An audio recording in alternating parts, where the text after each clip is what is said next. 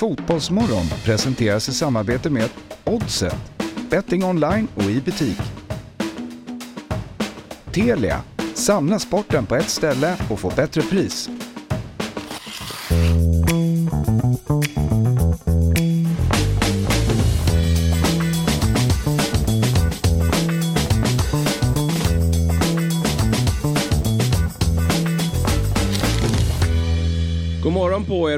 Välkomna till Fotbollsmorgon fredag. Den eh, bästa dagen på veckan är det ju med fredagar. Så säger jag i alla fall. Och vi börjar med lilla rättelsen. För alla er som har blivit upprörda, det var ett jäkla ramaskri på Twitter igår. Det var ju det att Axel sa ju att eh, det var 144 avsnittet igår. Men det var det inte. Det var 143. Idag är det 144.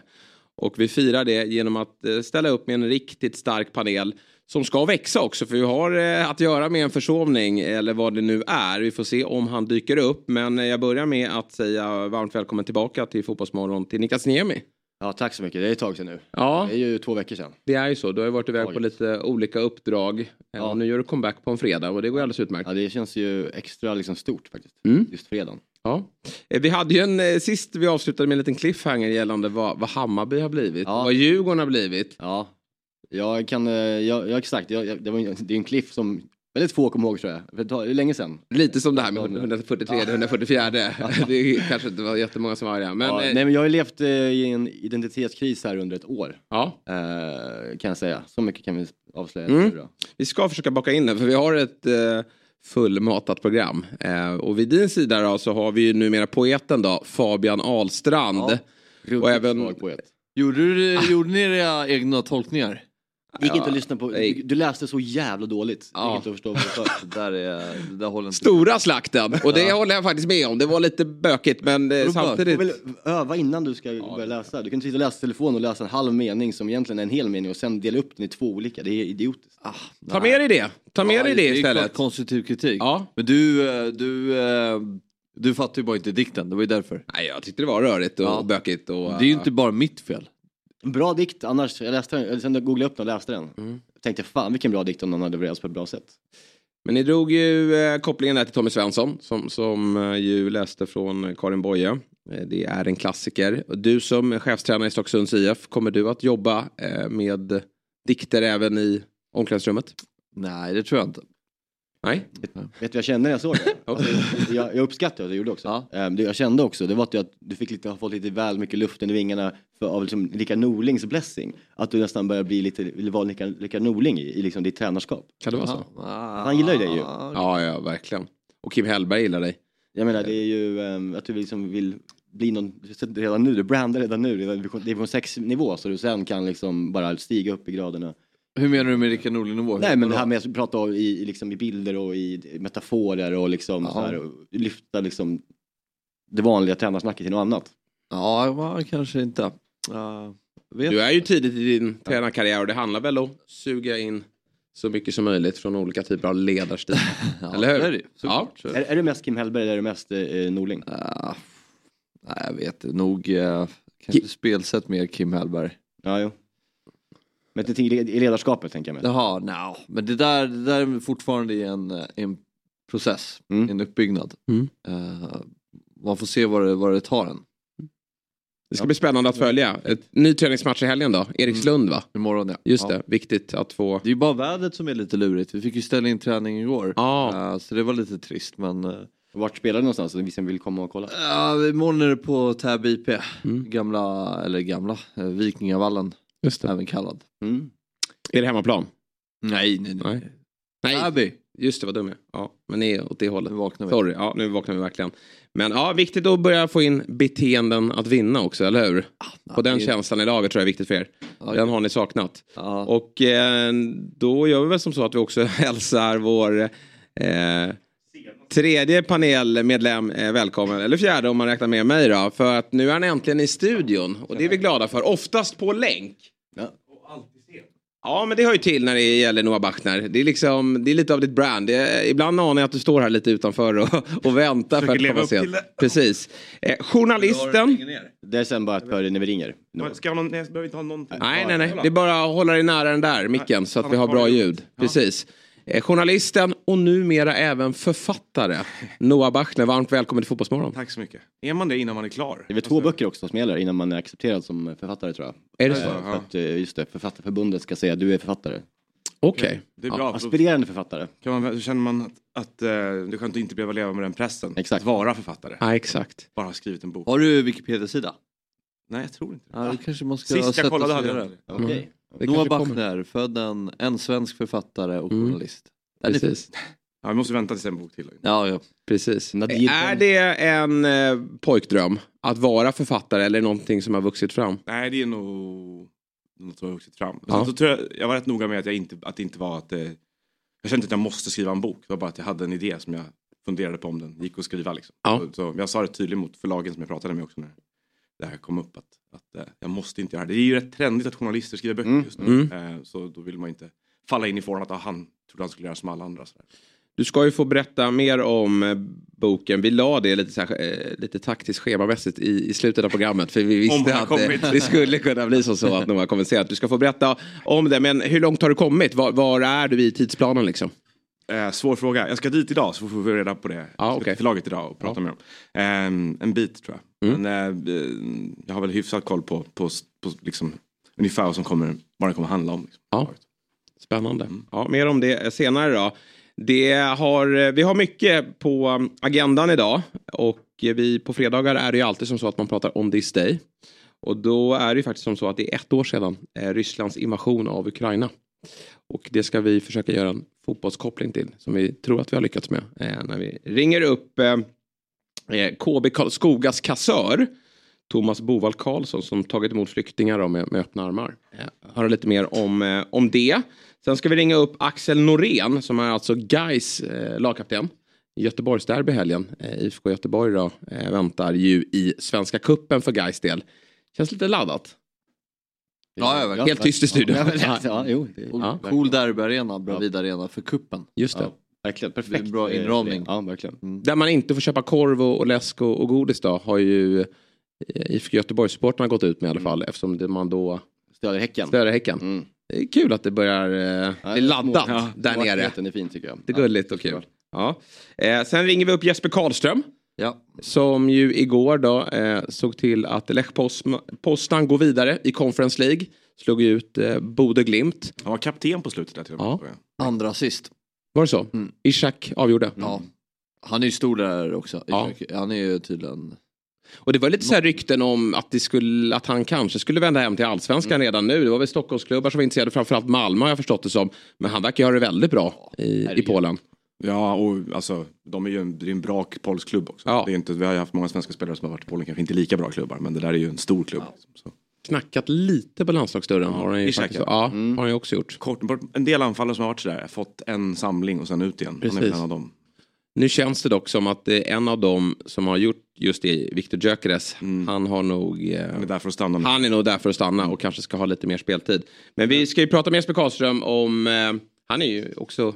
Han är väl mer med i landslaget får man väl ändå säga efter verkligen. den, den fina insatsen i VM-kvalet. Men eh, också prata om eh, möjligheten till att möta Djurgården då i nästa runda. Det vore mäktigt att få hit eh, Lech Poznan till Stockholm. Ja, verkligen. Hoppas på den.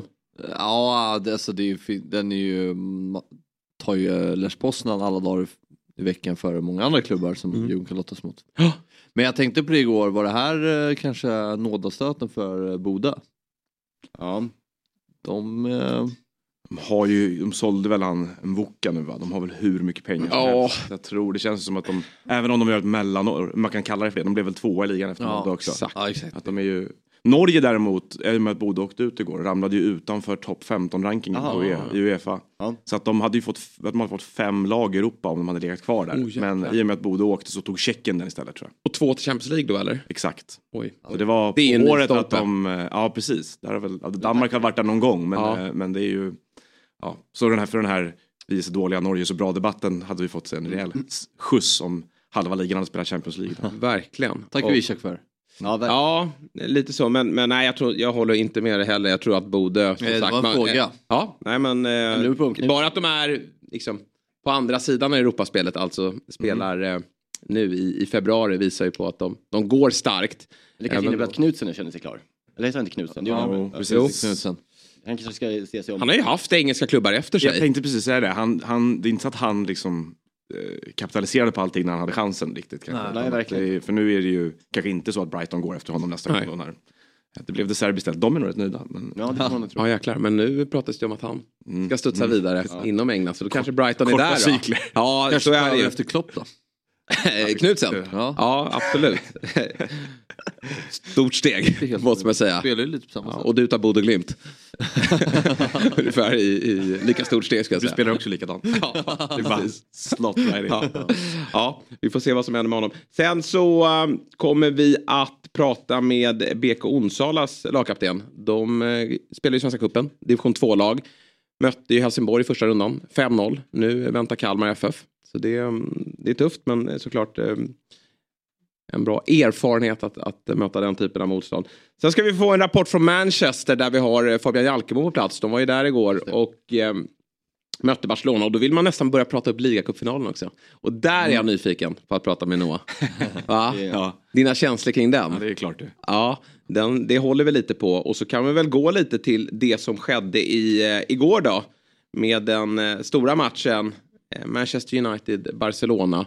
Och det var ju lite som att eh, ja, men spola tillbaka tiden lite. Det var en stor europeisk kväll på Old Trafford mellan två stora lag. Men det var väl bara att det var fel turnering. Ja men precis, två stora lag i fel tid. Ja. Helt enkelt. Jag håller med. Det, men eh, samtidigt så två klubbar som man tycker kanske är på rätt väg nu lite grann. Mm. Det, det enda som, som slog mig lite grann efter igår då, om man ska jämföra deras, liksom, deras positiva säsonger som det ändå har varit här är ju att Barcelona har släppt in inga mål i La Liga och släppt in 16 mål på åtta matcher i Europaspel. Ja, det blev ju- speciellt. Eh, så då blir det nästan som man frågar sig lite av, eller otroligt litet urval men ändå man kan fundera lite på La Ligas slagkraft Ja. i jämförelse med vissa andra. För det var ju Champions League de släppte in mest mål men nu åkte de ut mot Manchester United på en gång också. Samtidigt då som Real Madrid åker och Ja, pulveriserar Liverpool. Jo, men det är Eh, också ett mittenlag i Premier League. Ja, det är det ju faktiskt. Det, det är väl lite, nej men alltså nu förstår man ju då efter, efter första vändan i, i Champions League här, nu har det spelats ett möte och de engelska lagen har tre förluster och en, en oavgjord match. Det är ju också lite att eh, så som det ser ut nu så har ju England fel lag där. Mm. Eh, om man ser till tabell med tanke på att både Chelsea och eh, Liverpool har, det- har det kämpigt. Eh, och, och det visas ju även ute i Europa. Mm. Medan Real då med sitt erfarna lag, de i ligalunken kanske går på lite miner men, men steppar ju upp när det, när det kommer till eh, Champions League-spel. Ja, de har sån lugn hela tiden i allt de gör. Så Ja. Ja, är... Men Ten Hag, vad är det nu? De har vunnit mest matcher i Europa i år. Ja. Eh, Det är ju liksom, även om, även om eh, många väl trodde att det skulle bli bättre med honom så måste man ju säga att det är rätt sensationellt. Alltså hela, och sen så de här milstolparna nu då, att de fortsätter på alla fronter egentligen. Att han är framme i final i cupen att de slår ut Barcelona här, att de faktiskt har blandat sig i li, lite det sättet. Ja. Är ju, med tanke på hur den här klubben egentligen mår också. Alltså man ska komma ihåg det, att det är inte så att allt annat har löst sig runt Nej, nej, nej. honom heller. Så tycker jag att det är, är ju, ja, de, bland, de senaste åren få motsvarande liksom, effekter av en tränare på så kort tid. Alltså. Och då känns det ändå som att han inte har hunnit sätta sin prägel än. Nej, Där är Hag. Att det är mycket det här, nu ska vi börja. Mm. Ja, ja. Enkelt. Vi vet var United kommer ifrån, nu ska vi Ja. stabilisera det här. Mm. Släcka lite bränder nästan. Mm. Ja. Och sen nästa år, ja, men då tror jag man kommer att få se riktig... Ja, men han har verkligen en känsla, så här, så han säger det, det känns som att truppen, han, han har en, har sagt till truppen liksom, you haven't seen the best yet. Alltså, det Nej. känns som att han är på väg uppåt hela tiden.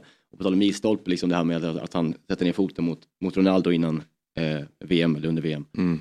Och vad som händer, vad som händer efter VM med, med, med liksom hela, hela den truppen och, och alla drar åt samma håll och det är ännu mer liksom en, här, you haven't seen the best yet. Det är känslan i hela truppen. Det känns ju som ett viktigt beslut för att ehm, få det där laget att eh, gå mot toppen igen.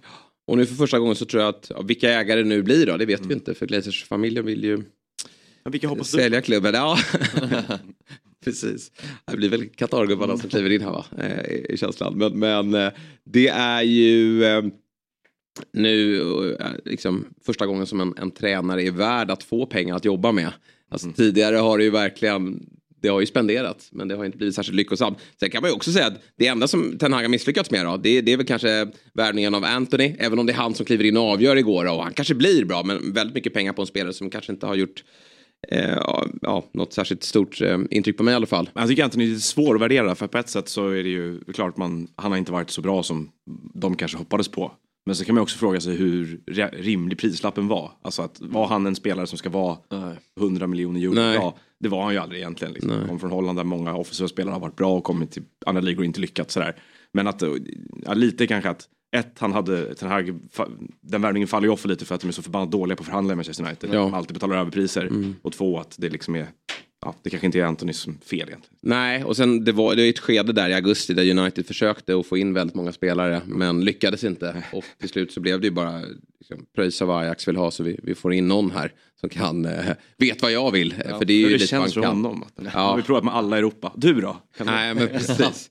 Eh, och sen då, Weghorst han ska ju dock sägas gällande Weghorst var väl att han skulle ha en annan roll i det här laget. Men har ju blivit väldigt mycket speltid på grund av att Martial har sina skadeproblem. Så han, han spelar ju lite för många matcher. Det var väl tänkt att han skulle komma in i slutet av matcherna när det skulle forceras eller Ja, men som funktion är han ju bra. Alltså, ja. Det är ju så många lag använder sina nior nu. Ja. Med liksom arbetshästar och Absolut, Nej, men han har ju anpassat sig efter vad, vad Weghorst kan. Ja, så att, Även om man har bara gjort ett mål mot eh, Nottingham i ligacuperna så är det väl inte så, så det, ändå, det känns ändå som en ganska lyckad värvning. På det är en Chris Wood. Ja, det är det ju. Det är det ju.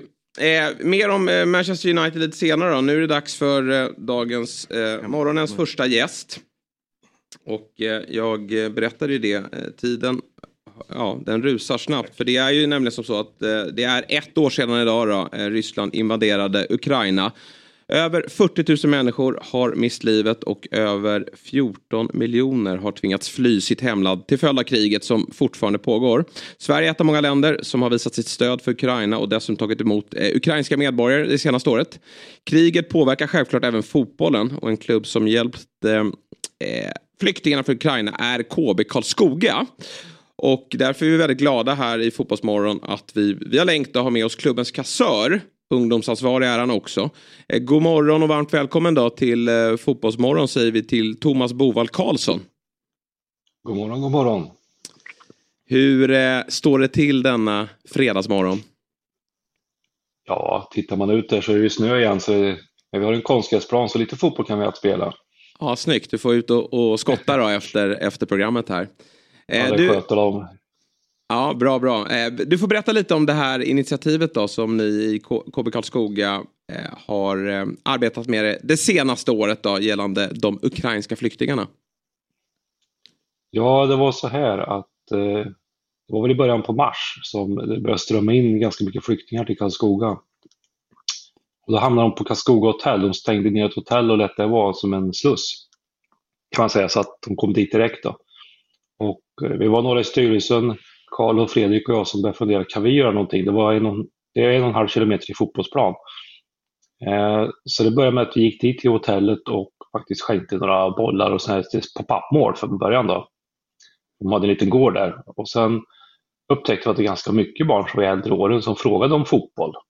Och eh, då var vi dit och erbjöd dem att tisdag och torsdag på eftermiddagen mellan ett och tre komma bort och spela fotboll på konstgräsplan. Så att tisdag, torsdag fick de komma och spela och tolk med och uh, han kunde inte hålla sig så han spelade barfota för han hade inga fotbollsskor. Han hade någon typ av träskor eller någonting. Så både vuxna och barn som spelade just första gången. Sen fick vi mycket gåvor efter det här på fotbollsskor och sånt där som vi delade ut. Men det höll i sig ungefär i ja, fyra, fem veckor. Höll det i sig. Så att vi kunde köra det där. Sen i stort sett kan jag säga att det var, det var inte vårt fel, men det var väl bra att det kom färre flyktingar till Karlskoga sen. Gjorde det. Så vi körde det där en tid i början. Där. Så just nu är det ingenting längre. De har öppnat hotellet till vanligt hotell igen. De har väl hittat rutiner, sen hoppas jag att det inte kommer lika mycket flyktingar längre. Mm. Hur många var det som kom då på de här träningarna och vad, hur var responsen? Den första gången var det, jag tror vi var 40 stycken eller någonting första gången. Då kom nästan alla vuxna och barn med. Sen hade vi lite tuffare att få dem att våga. Om de kommer som flykting och varit borta ganska länge. Och ja, de hade ingen trygghet kan jag tänka mig. Det är inte så konstigt. Mm. Sen var det nere på fyra till åtta stycken som kom då. Men just de som kom hade ju roligt just då. Mm. Och eh, det var merparten var ju som kunde sköta det var våra pensionärer. Och det var ju mer folk som ringde och hörde om de kan hjälpa, hjälpa till sen. Så att engagemanget var stort runt omkring tycker jag. Det, var, det är kul när man kan hjälpa på sitt sätt. Ja, verkligen. Men, men ni är alltså inte aktiva med den här typen av träningar just nu. Vet, ni, vet du någonting om var, var de här flyktingarna har liksom slussats vidare i samhället och har ni någon form av kontakt med dem? Nej, de som är kvar här, det finns en stadsdel som heter eh, Skogsrundan där uppe där de har två hyreshus som de, eh, som de bor i vet jag. Sen vet jag, har de nog slussats ut i övriga Sverige då, men de som bor där de har ett stenkast till en annan konstgräsplan. Har de. Så att jag misstänker att de går ner och spontanspelar där. För dit de varit flyttade nu så är det bara typ 50 meter från huset till fotbollsplan där. Mm.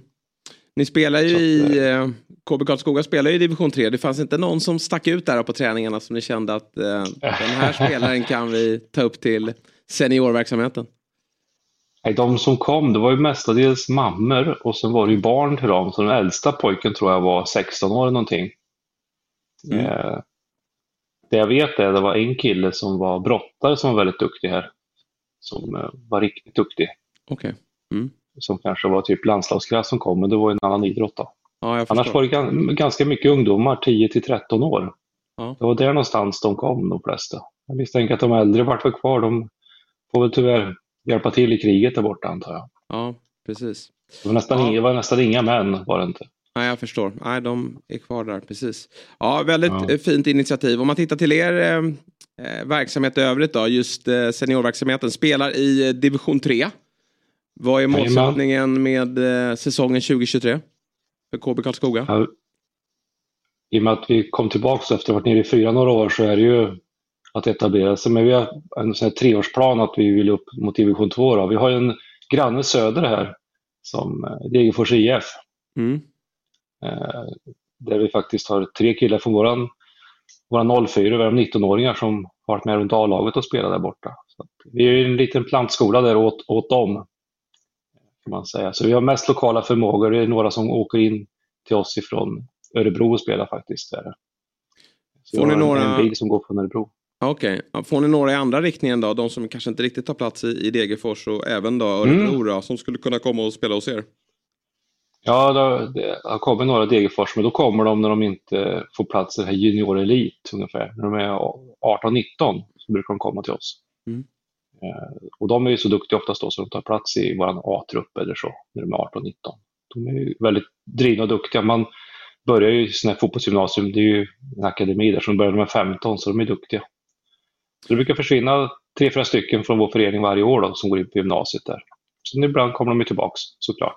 Vi hoppas det- att de lyckas. Nu är det ju som sagt tre stycken som har varit med runt A-laget. Det är jättekul det med Alexander, Sixten och Elliot där som är med och kör. Det är kul. Ja, vad kul. Så det finns ingen rivalitet mot Degerfors. Ni, ni håller tummarna för att Degerfors fortsätter att spela allsvenskan, jag? Ja, det är väl klart att det finns alltid rivalitet när man själv spelar eller när ungarna spelar matcher. Det, så ska det ju vara. Sen accepterar man och tycker det är väldigt roligt också. Mm. Att, eh, att de är uppe och spelar Allsvenskan. Så är det. Eh, I, under december månad så hade ni finfrämmande på, på ehm, träningarna och på tal om Degerfors då, Johan Bertilsson och Emil Berger var och tränade med er. Mm. Eh, Bertilsson skrev ju senare på då för, för Karlstad var det väl. Men Mm. Emil Berger, Jajamän. han är fortfarande ledig. Finns det ingen möjlighet att eh, lyckas Ja, precis. Signa honom? Vi, vi får väl hoppas på det, för hans kusin spelar i KB, Fredrik. Där. ja. Eh, spelar i KB, så det är väl han som har tagit med en lite. Och Bertilsson, han bor ju här så att han har sin son med i KB. Så att, och han känner ju Berger då, så det var väl lite därför som de Ja. droppade in. Men det var kul, för spelarna höjde ju tempot och gruvligt. De har ju sån teknik, som passningskvalitet. Mm. Så det är kul att få dit dem på träningarna. Så vi kan väl fortsätta hoppas om Berger. Han är hjärtligt välkommen om han inte dyker ut. Han var väl, kommer inte ihåg om han var till Island senast eller vad han var tror jag. Nej, okej. Ja, Man nej, men eh, vi håller en tumme för det. Annars verkar det som att det är lite hett då. Karlstad också med deras satsning och Sven-Göran Eriksson här som har klivit in som Mm. sportchef för klubben. Så det känns som att regionen, Precis. det ni, är på, ni är på frammarsch. Ja, det är dags att vi reser oss lite grann där. Degerfors gjorde det för några år sedan här, så Ja. att det är kul. En sista fråga. Vad, Alltså, vi ska försöka ta oss. Mm. nej, vad står KB för? Mm. Vad står KB? Ja, det blir lite roligt då. Eh, 1963 så slog man ihop Karlskoga IF och IFK Bofors. så KB står ju för Karlskoga Bofors. Så, så, Karlskoga. och så, och så, här, och, och så bara, precis, och så använder man förkortning KB, KB. Men var kommer ni ifrån då? Eh, Ja, Karlskoga. Ja. Så vart det KB Karlskoga FF sen då. Ja, okej. Ja, Hockeyn bara- bröt sig ut där och vart eh, BIK Karlskoga där och nu är det, ja, Mm. Bofors först då. Mm. Konstnärsbaren. Ja, Alltså, när de, KB60, KB63 när det stod- bildades så var det hockey också. Okej. Det. Mm. Både ho- hockey och fotboll då. Men fotbollen är störst nu Jag antar jag? I regionen? Ja, vi är störst vad det gäller eh, antal utövare, men BIK Karlskoga spelar ju Hockeyallsvenskan, så det är väl lite, Försprång? lite, är lite försprång. Ja, Ja. men vad bra. Eh, jättekul att få prata med dig Thomas och eh, Mm. härligt att, att höra kring ert initiativ där och så håller vi tummarna då för eh, KB Karlskoga och hoppas att ni lyckas etablera er i trean.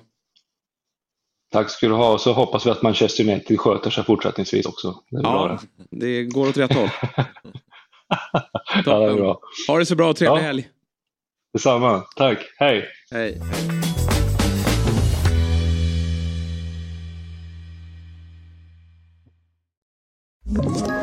Ett poddtips från Podplay. I podden Något Kaiko garanterar östgötarna Brutti och jag, Davva, dig en stor dos skratt. Där följer jag pladask för köttätandet igen. Man är lite som en jävla vampyr. Man har fått lite blodsmak och då måste man ha mer. Udda spaningar, fängslande anekdoter och en och annan arg rant. Jag måste ha mitt kaffe på morgonen för annars är jag ingen trevlig människa. Då är du ingen trevlig människa, punkt. Något Kaiko, hör du på Podplay. Därför är gardinerna. Ja, Karlskoga. fin initiativ får vi se här. Det är fortfarande en del spelare runt om i världen som, har, som är utlånade från eh, ryska klubbar. Eh, tänker i allsvenskan har vi ju Vincent Till, inte rysk klubb dock. Det är ju Ukraina som han eh, är utlånad från. Men sen har Basiotin är vi... väl kvar? Nej, jag är inte kvar va? Nej, jag är borta nu va? Basiotin är fortfarande på lån eller? Nej, han är tillbaka Tillbaka. i eh, Sankt Petersburg. Mm. Sen har vi ju, eh, annars har vi ju med svensk koppling då, Gigovic. Ja. Mittjylland nu va? Mm. Nej, han ägs inte av Nej. Midtjylland, han är lånad. Ja, han är utlånad, eller hur? Från, jo, men det, så är det från sin ryska Och sen, är det med Sigurdsson då? Utlånad. Utlånad. och sen så har vi ju i, ehm, i Polen så har vi ju, eh, vad heter han? Gamla IFK Norrköping. Ehm, Lagerstål. nej, ja han också kanske, men han är Ja. anfallaren. Eh, blonda, lilla. Eh, Ja, just det. Pontus Almqvist. ja, han är också Som spelar i, eh, Rostov. just det, Jensas lag där ja. Just det. Mm. Han och Gigovic spelar väl tillsammans i Rostov va? När de, Jag såg eh, Midtjylland Sporting år, Ja, 04 va? 04. Mm. Eh, Och- Men då var jag, fick en utvisning ganska tidigt. Selmani startade. Selmani startade. Hur ser han ut? Utbytt i paus tror jag. Ja. Uh, Där fick vi svaret på det. Jag såg, jag såg eh, sjukt nog så i helgen såg jag eh, Midtjylland Viborg. Mm. Eh, på, ja, gick på Viaplay. Ja. Ja, men det Kan man göra är ibland. Ja. Eh, Jag ser riktigt svag ut Selmani. Inte i form alltså. Nej. Nej helvete, han såg men, snabb ut. Alltså att han landar i Midtjylland då. Ja, det är en bra. Ja, det var oväntat bra flytt från honom. Ja. Mm. De, de, har ju sett något. Mm. Många svenskar där. Mm. Mm. Kristoffer mm. Olsson, vi har Gigovic, Andersson. Exakt. Sen Chilufya är inte svensk men, men, kommer från Djurgården. Han har inte riktigt lyft där borta. Han gjorde inhopp Nej. Eh, mot Viborg i alla fall. Jag tror han var rätt skad, mycket skadad ett tag. Han ja. hade väl det problemet länge i Djurgården också. Exakt. Han är ju rätt explosiv av sig. Så. Fick de, fick ni 80 eller 60?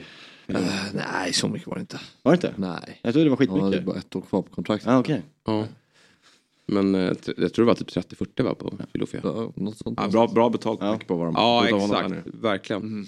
Ja, i övriga resultat. Ja, men United sagt, vi får prata väl mer en om dem. En grej som har med Ukraina att göra så det var ju vackert att eh, Shakhtar, eh, Donetsk, mm. slog ut eh, på straffar, slog ut, eh, vad heter de? Var vilka var de skickade ut? Ja, vilka var de slog ut nu? Det var Monaco. Minns inte. Ah. Nej, men Monaco mötte väl Nej. Leverkusen? Ja, precis. Ja, de vann i alla fall på straffar, Ja. eh, Shakhtar, Mm. igår. Och det var ju vackert. De Verkligen. vidare. Och vet du vad det var när jag bara påpekade när jag slog ut, um, eller Rennes. det. Ja, de mötte Rennes. när jag kollade Midtjylland Sporting. Ingen kommentator. Ja, ingen Oj. kommentator. Nej, vad, vad härligt. Ganska fint. Ja, vad Eller hur? Ja, Ingen som pratar sönder den matchen. Nej. Nej. Borde fler. Ja. Även på större matcher. Ska vara helt tyst. Men jobbar inte David Fjell den tesen, eller tesen, den, den idén att man ska kunna välja kommentatorsfritt eller kommentator? Jo, Konst- och sen slutade han kommentera själv. ja precis. Eh, Så bara mutar man. Det går ju faktiskt. Men vi konstaterar att Juventus är vidare. Mm. Andrea Di Maria alltså. hade ja, första kassen där och gjorde hattrick. alltså. Ja. Han, eh, gammal är äldst, han tror man ju faktiskt på alltså. Man trodde att eh, det skulle vara liksom nöjde sig med VM-guldet. Ja, Ja. verkligen alltså. Han ger sig inte. Nej. Och... Så Eh, gammal, han är 88. jo, men ändå han är Vi känns gamla nu. Ja, och, och, verkligen. Och det är en spelartyp som ändå ska leva på, på fart. Mm. Och eh, någonstans, eh, kanske fördomsfullt, men, men eh, argentinare, det ska liksom avrundas någonstans nere i eh, eh, ja, Bocca eller vad, vad, vad har Di Maria i River? Maria är väl... Nu svårt. eh, jag tror det kan vara. Rosario. Ja, men någonstans i Argentina känner man att en sån typ av spelare ska runda av och inte vara på högsta europeiska nivå, även om det här var Europa League. Men Juventus vidare och vi har ju Arsenal där också. Det kan bli en rätt kul eh, avslutning på den på det kuppspelet. Union Berlin är där också. Exakt. Snyggt. Ja. Rosario.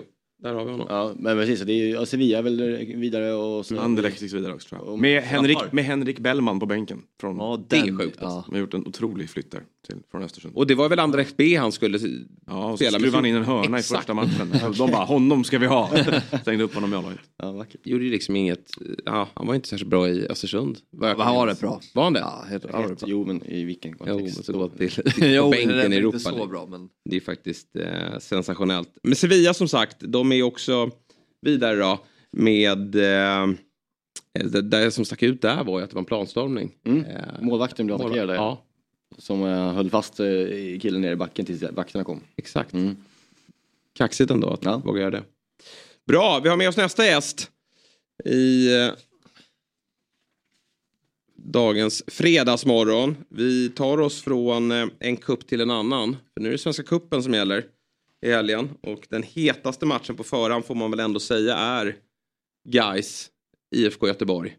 Och eh, på söndag då så spelas matchen och vi har ju med oss eh, lagkapten från Gais, försvarsgeneralen Axel Norén. God morgon på dig, varmt välkommen till Fotbollsmorgon. Ja, men god morgon, god morgon och tack så mycket. Du, innan vi eh, tar oss an matchen då som ska spelas på söndag. Eh, Gais är tillbaka i svensk elitfotboll, superettan, efter eh, en säsong i division 1. Hur fint känns det? Nej, men det är skönt. Eh, vi hade ett jäkligt bra år, så att, eh, det är en skön känsla. Du, vad, hur har ni rustat här? Nu tappade ju en, er talangfulle Harun Ibrahim som gick till Molde här. Hur känns eh, silly season i övrigt? Hur, hur starka är ni? Nej, men det känns bra. Vi fick behålla eh, det mesta. Vi tappade också Emin till eh, Värnamo, men annars har vi behållit stommen och det känns bra. Är det något nyförvärv som du tycker har stuckit ut här under försäsongen och i början av Svenska cupen? Ja, men eh, Eggson, eh, som var i Norrköping förra året, har sett vass ut på träningarna och det är ett bra nyförvärv. Ja, vi har ju sett ett mönster i svensk fotboll att när man tar steget upp från division 1 så kan man ju faktiskt springa igenom eh, superettan. Vi har ju sett eh, Värnamo göra det och vi har sett eh, BP. BP göra det. Så att det, den möjligheten finns. Hur, hur, Ja, och Mjällby gjorde ju också det. ja, exakt. Är det någonting som eh, ni har med er? Liksom, så här, är det någonting det pratas om i omklädningsrummet att det här är görbart även för guys? Nej, Alltså, det har väl inte varit så mycket snack om det, men det är väl klart att vi, vi tror på det. Eh, Vi har ett bra lag och ett bra tränarteam, så att det är väl klart att vi har kommer från ett bra år, så att eh, självförtroendet är i alla fall på topp. Var du med då när Mjällby tog hela vägen? Eh, nej, jag lämnade precis eh, det året. Så jag var med och gick upp, men jag lämnade det året. Annars har ni ett väldigt ungt lag. Snittåldern här mot eh, Norrköping i, i första kuppmatchen var 23 år. Är det den ungdomliga entusiasmen som ska ta er tillbaka till finrummet eller, hur, eller saknas det rutin i laget? Hur, hur ser du på fördelningen? Nej, men vi var väl lite gamla rävar också på eh, Mervan Selik och Niklas Andersén och eh, Agge Wängberg och de har varit med ett tag, så att eh, vi har lite rutin i laget också. Mm. Vad säger du annars då om första matchen mot Norrköping? Förlust 0-1. Vad, hur tycker ni att eh, ni stod upp? Ja, men vi stod upp bra tycker jag. Um, hade vi lite lägen för att göra 1-0 eller 1-1, men uh, försvarsmässigt gör vi en bra match. Lite segt att uh, bli torsk, men uh, vi stod upp bra tycker jag. Mm. Du, fick ju, du har ju bara varit i klubben i ett år. Du anslöt ju från Falkenberg inför säsongen i division 1. Men har redan är att stå med, med kaptensbinden. Hur tror du det kommer sig? Ja, Det blev väl en match här nu. Jag tror Niklas eller August Wengberg behåller kaptensbindeln. Men eh, det är väl kul att man fick eh, den äran och är väl ändå ett bevis på att eh, Fredrik har lite förtroende för honom. Mm. Eh, Göteborg då på söndag. Hur eh, känner du kring den matchen? Det här är ju ett eh, klassiskt möte ändå. Det, det, det stora derbyt nere i Göteborg. Säger väl jag ändå. ÖIS. och kanske ÖISarna reagerar. Men, men eh, ett, ett stort möte ändå. Gais mot IFK Göteborg. Hur eh, går dina tankar inför matchen? Uh, nej, men det, det är positiva tankar. Uh, jäkligt kul med ett derby och lite som du säger kanske detta är det stora derbyt i Göteborg. Eh, så att det kommer bli jäkla kul och det är mycket snack eh, inför matchen här på grannen kom igår så man fastnade i tio minuter och fick snacka lite blåvitt hat där. Så att eh, det, det är mycket snack inför matchen. Mm. Du, senast ni möttes då, Gais Göteborg, det var ju 2019. Minns ni den Ja, matchen? avbrutna va? Ja, När gruppspelet. eh, de kastade in Exakt. knallskottet på Precis. Marco Johansson. Eh, Ja, och då, exakt. då vann ju Gais 3-0. Skri- en så kallad Ja, skrivbordsseger. seger. Ja, verkligen. Men... Var det en skrivbordsseger? ja, det blev en skrivbordsseger. jag helt glömt bort. Så blev det efteråt. Vad, har du koll på um, biljettförsäljningen? Vad, vad förväntar, hur många förväntas till Bravida här på, på söndag? Ja, men det är slutsålt. Ja. Det har väl varit slutsålt nu i några veckor så att eh, Mm. det, det kommer bli jäkla stämning så det är kul. Mm. Märker man av så här rivaliteten och att snacket börjar märkas ute på stan inför matchen? Ja, men det, ja, men det tycker jag. Eh, mer och mer folk kommer väl fram och slänger lite pika att vi ska, eh, vi ska krossa dem och så vidare. Så att, eh, det är bara kul att, att stämningen är på topp.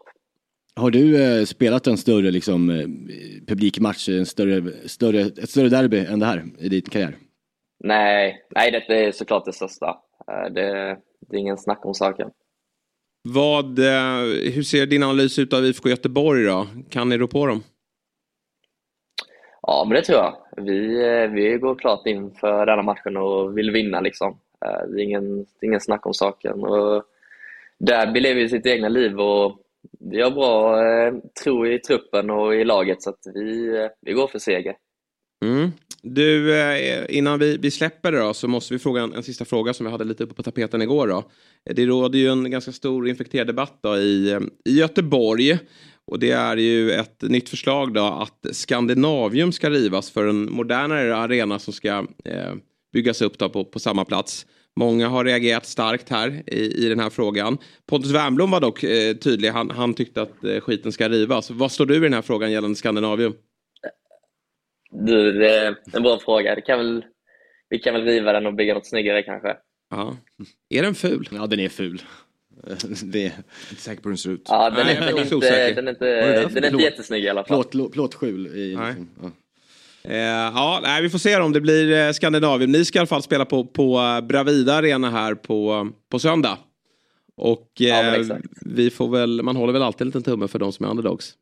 ja, verkligen. Guys i Sveriges Newcastle. Ja, eh, Göteborgs Bayern. Det gillar vi att höra. se vilka som köper upp Gaisen då.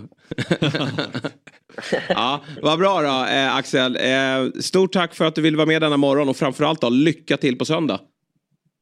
Ja, men tusen tack. Ha det fint. Ha det gött. Hej.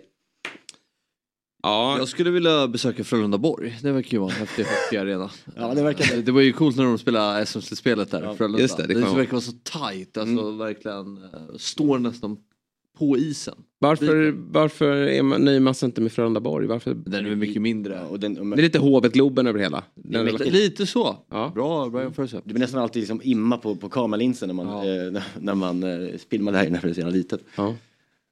ja, nej men det minns man ju att eh, Frölunda kunde ta sig dit under vissa slutspelsmatcher. Fint namn på en arena. Absolut. Var ligger den? Jag tror den ligger vid det här, i, jag tror jag var där en gång med Emma Gren. Spelade in en grej med henne i det här friidrottens hus som ligger i Göteborg. Eh, som ligger liksom nära det här, eh, oh, det, vad sa du? Slottsskogen, precis. Men visst är- det samma ställe? Ja, det ligger vägg i vägg tror jag. Mm, säg mig ingenting. Nej, totalt iskall på, i Göteborg. Ingen aning var någonting ligger. Men eh, On brand. Ja, faktiskt. Men Hovet Ja, ja, ska det är få, är ju också bedrövligt att det, de ska riva den. Om, det har de ju snackat om i 10 Det är aldrig år, av. men den är ju, den är ju fantastisk. Det är så deppigt att de, jag såg att Stockholmsderbyt här nu, AIK och Djurgården spelades i Globen. Ja, men, ja. Det går Det- inte att ha det det i Hovet va? gjort. Du? Det går inte att ha det i Ja, Hovet det va? tror jag inte. Det Men- för stökigt. Men det är, den arenan är ju mäktig när det är fullt. Ja det är det. det är, Och de slutspelsmatcher som Djurgården framförallt har spelat då, då blir det ju bra tryck där inne. Ska vi ta din spaning gällande Stockholmsfotbollen? Ja, spaningen Och var vad, en egen vad, vad reflektion. Hammarby har blivit och din identitetskris. Ja men alltså, ja vi kan väl göra det. Men så jag, jag har, jag är Hammarbyare, eh, vet inte du om kanske men du vet ju det. Eh, och, du. Eh, och jag har eh, under liksom två års tid nu känt att liksom det finns en identitetskris i Hammarby, vad vi är för någonting. Och liksom i supporterled, ja, jag pratar för mig själv bara istället, det blir lättare. Och, liksom, och fram, samtidigt som Djurgården har på framfart kommit i de sista två åren med liksom hela, det har man haft länge men ännu mer nu med Bosse och Henke och liksom den här familjära stämningen som råder kring Djurgården. Och liksom, det är så lätt och det är så öppet och det är så snackar i media och det är liksom, ja, man känner att det är ni två, ni två. De två får med sig hela liksom, supporter, supporterskaran liksom, i så här, vi är Djurgården. Och det har jag saknat i Hammarby. Mm.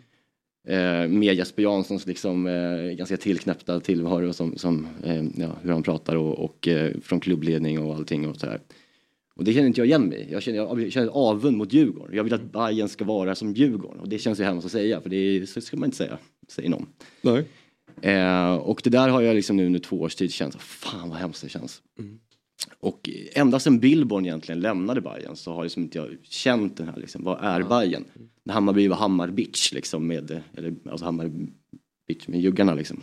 Med, med Tankovic och kanske Niklic och Djurdjic och Rodic allihopa. Där fanns det liksom tydlighet vad Bayern var, något vi kunde stå för och enas kring. Nu finns det, eller de sista två åren har inte haft någonting känner jag. Det har varit liksom ett ganska anonymt lag, har bytt tränare fram och tillbaka och, och, och det har hattat fram och tillbaka och det har varit liksom kritik från hur man kom- kommunicerar med fans och allting. Så här. Det känns skit tycker jag. Och då har man känt så fan att Djurgården är så härliga samtidigt. Ja. Samtidigt då, som eh, när ni har släppt den här härligheten och kanske blivit lite mer eh, stängda så, så går ju Hammarby någonstans ändå bättre än Ja, någonsin. absolut. Ja, ja visst absolut. Men, och, det, och det som jag nu kan trösta mig med i alla fall. Det är ju den här nya generationen av eh, unga eh, spelare som nu som kommer fram. Eh, vi har vi så, vi har sett, nu är det inte alla i egna led men ändå, liksom, det finns en, en tro nu på liksom, vad en identitet vad det kan bli. Och det är liksom med Montander, Montander Majed, med eh, Josef Rabi, med eh, Fredrik Hammar som har någon slags, redan nu fått någon kultstatus i klubben som en ny Erik Israelsson-figur typ. Med den, ja Dennis Gür har inte kommit fram riktigt så än. Eh, och eh, med eh, Demirol. Demirol på mittfältet. Det finns liksom en generation Hammarby-spelare nu som kommer fram och som kan, som kan skapa den här identiteten kring klubben tror jag, som vi andra kan enas kring och en tro på någonting som känns kul och spännande. Eh, för det var ju tidigare de, vi har haft några generationer som varit uppsnackade och det var ju framförallt Bayerns 84 tidigt 2000-tal, Mm. 2003, 2004 med Björn Rundström i spetsen. Björn Lundström och det var eh, Haris Laitinen och det var ju eh, eh, Fredrik Stor och det var han? Nahir Ben Chena, Nadir va? Ben Chena och, och liksom eh, Erkan för fan såklart. Mm, Just det. Eh, Ah, han var ju 86 va? 84. Var Erkan, ja. det var han just det. Och de kom fram samtidigt och liksom hade Totte, Järbrand, var, alltså det fanns liksom en... Den generationen var uppsnackad som fan och det var i en, i en tid där Bayern var väldigt bra. Och den eh, känslan av en generation spelare som kommer fram tillsammans och blir uppsnackade ihop. Den känslan jag går in med säsongen nu i alla fall. Det är det som, det halmstrået jag greppar efter nu för att liksom få till den här hypen kring att känna att man, fan nu tror jag Bayern igen. Ja. Men, men det är inte ett problem, är inte det liksom tidstypiskt problem att om man hänger upp galjonsfigurerna på spelare i klubbarna nu så säljs de efter fem minuter. Precis. Alltså om Bayern är väldigt bra i Allsvenskan fram till sommaren då de där spelarna har varit väldigt betydande allihopa så kommer ju mer än hälften av dem säljas förmodligen för I- pengar. Det, men jag tänker bara att det är ett, du, du tar Djurgården som exempel, alltså man Mm. har ganska mycket kontinuitet på, i ledningen sådär. Ehm, det är ju där de personerna finns i regel i allsvenska klubbar. De är ju, det är väldigt få spelare som är kulturbärare nu för tiden, upplever jag. Alltså att det, så var det inte riktigt förut, kunde man ju mer. Jag menar, Per Karlsson känns ju som den sista av sitt slag på ett sätt. Liksom, Och där hade vi Billborn som en sån gar Absolut, garant. han var Han väl vi en- just när jag snackade om att det var Jugge Bajen så att säga, det var inga Hammarby-spelare där egentligen. Det var ju liksom ett köpt eh, lag så att säga. Men det fanns ändå liksom en, en rågsved Stefan där nere. Ja, han var ju rösten. På Ja precis, och det, det saknar man ju. Men, och då får man liksom hitta det här istället. Och, men just det här med en, en generation unga spelare i egna ledet som kommer upp. Det är länge sedan. 98 var väl stora också med Dusan Djajic och Marcus Degerlund och, och Leo Bengtsson. eh, Leo Bengtsson och, och Isak Lidberg tror jag. De hade svårt att slå sig in. Ja, de kom ju fram där när vi gick upp. Deglund var verkligen på gång ett tag. Ja, helvete vad han hypade där. Men, men nu känner jag i alla fall, det är det jag nu landar i den här inför säsongen. Därför att liksom, sätta då gäller det att börja lära känna de där unga talangerna också. Och det gör man ju genom att de får stanna i klubben ett tag. Som du är inne på Noah. Det har ju varit lite det. Bayern har ju byggt upp en otrolig ekonomi. Men det har ju varit Viljot försvann ju lite väl Ja, snabbt. Och, och, Och även, eh, man känner ju redan så fort någon kille gör mål i Svenska cupen eller försäsong. Då ska det börja pratas om prislapp. Ja, det är lite Och. Det är lite trist. Men det, är, nu, det som är annorlunda med Hammarbys unga spelare nu jämfört med många andra unga spelare som har sålt är att nästan alla de bästa av dem i alla fall är ju, spelar ju från längst fram i planen. Alltså, och de spelarna säljs för mer pengar i regel. Ja. Så att, och jag, kan tänka, jag kan tänka att de här, att de här spelarna som de lanserar nu här inför den här säsongen egentligen. Jag tänkte på det mot Brage också med Djukanovic och, och, och Majed och Erabi de här. Att de har ju råd nu att hålla i dem Ja. hela året egentligen. De måste inte sälja dem i sommar. De kommer vilja gå och deras agenter kommer säkert trycka på och så vidare om de, om de gör massa poäng. Men för alla skull, det skulle vara bra för, för svensk fotboll att sätta en norm lite grann. Att, så här, att man behåller dem säsongen ut och så, får man kapitalisera på hela året istället. Att inte det här paniksälj, för det är fortfarande att svenska klubbar jublar över att det kommer 50 miljoner. Ja. De behöver inte göra det längre. Nej. Alltså, I alla fall inte de största för att de har ju över- en bit över 100 miljoner allihopa. Och sen eventuellt göra en strategisk ändring i Sverige, lite som Danmark gjort, att satsa på unga offensiva spelare som du sa, frontlinjen. Det är där man tjänar pengar. Ja, Det är ju inte, man tittar man, Häcken gör ju det bra eh, nu, Verk, eller verkar börja göra det bra, men han, vad hette han vänsterrykten som eh, Sonko? Eh, Mm, och eh, Uddenäs och de där som finns, Traoré. Eh, Men det är ju lite nytt. Mm. Alltså, tittar, tittar man på trupperna som avslutade förra säsongen så var det inte jättemånga unga anfallare som fick speltid. Alltså. Det var Nej. Faraj som gick till AIK nu kommer ju vara en av få. Han är inte ung, han är 21. Ja men det är Ja. ganska ungt fortfarande. Men ja nej, men det ska ju helst vara 19-åringar. Ja. Liksom. Nej, och sen också att eh, det är de här hemvändarna som fortfarande man, man sitter och hoppas på i många svenska klubbar och Det är- romantiserar kring. Och det är ju många supportrar som dras med i det också såklart för att det finns en lockelse där.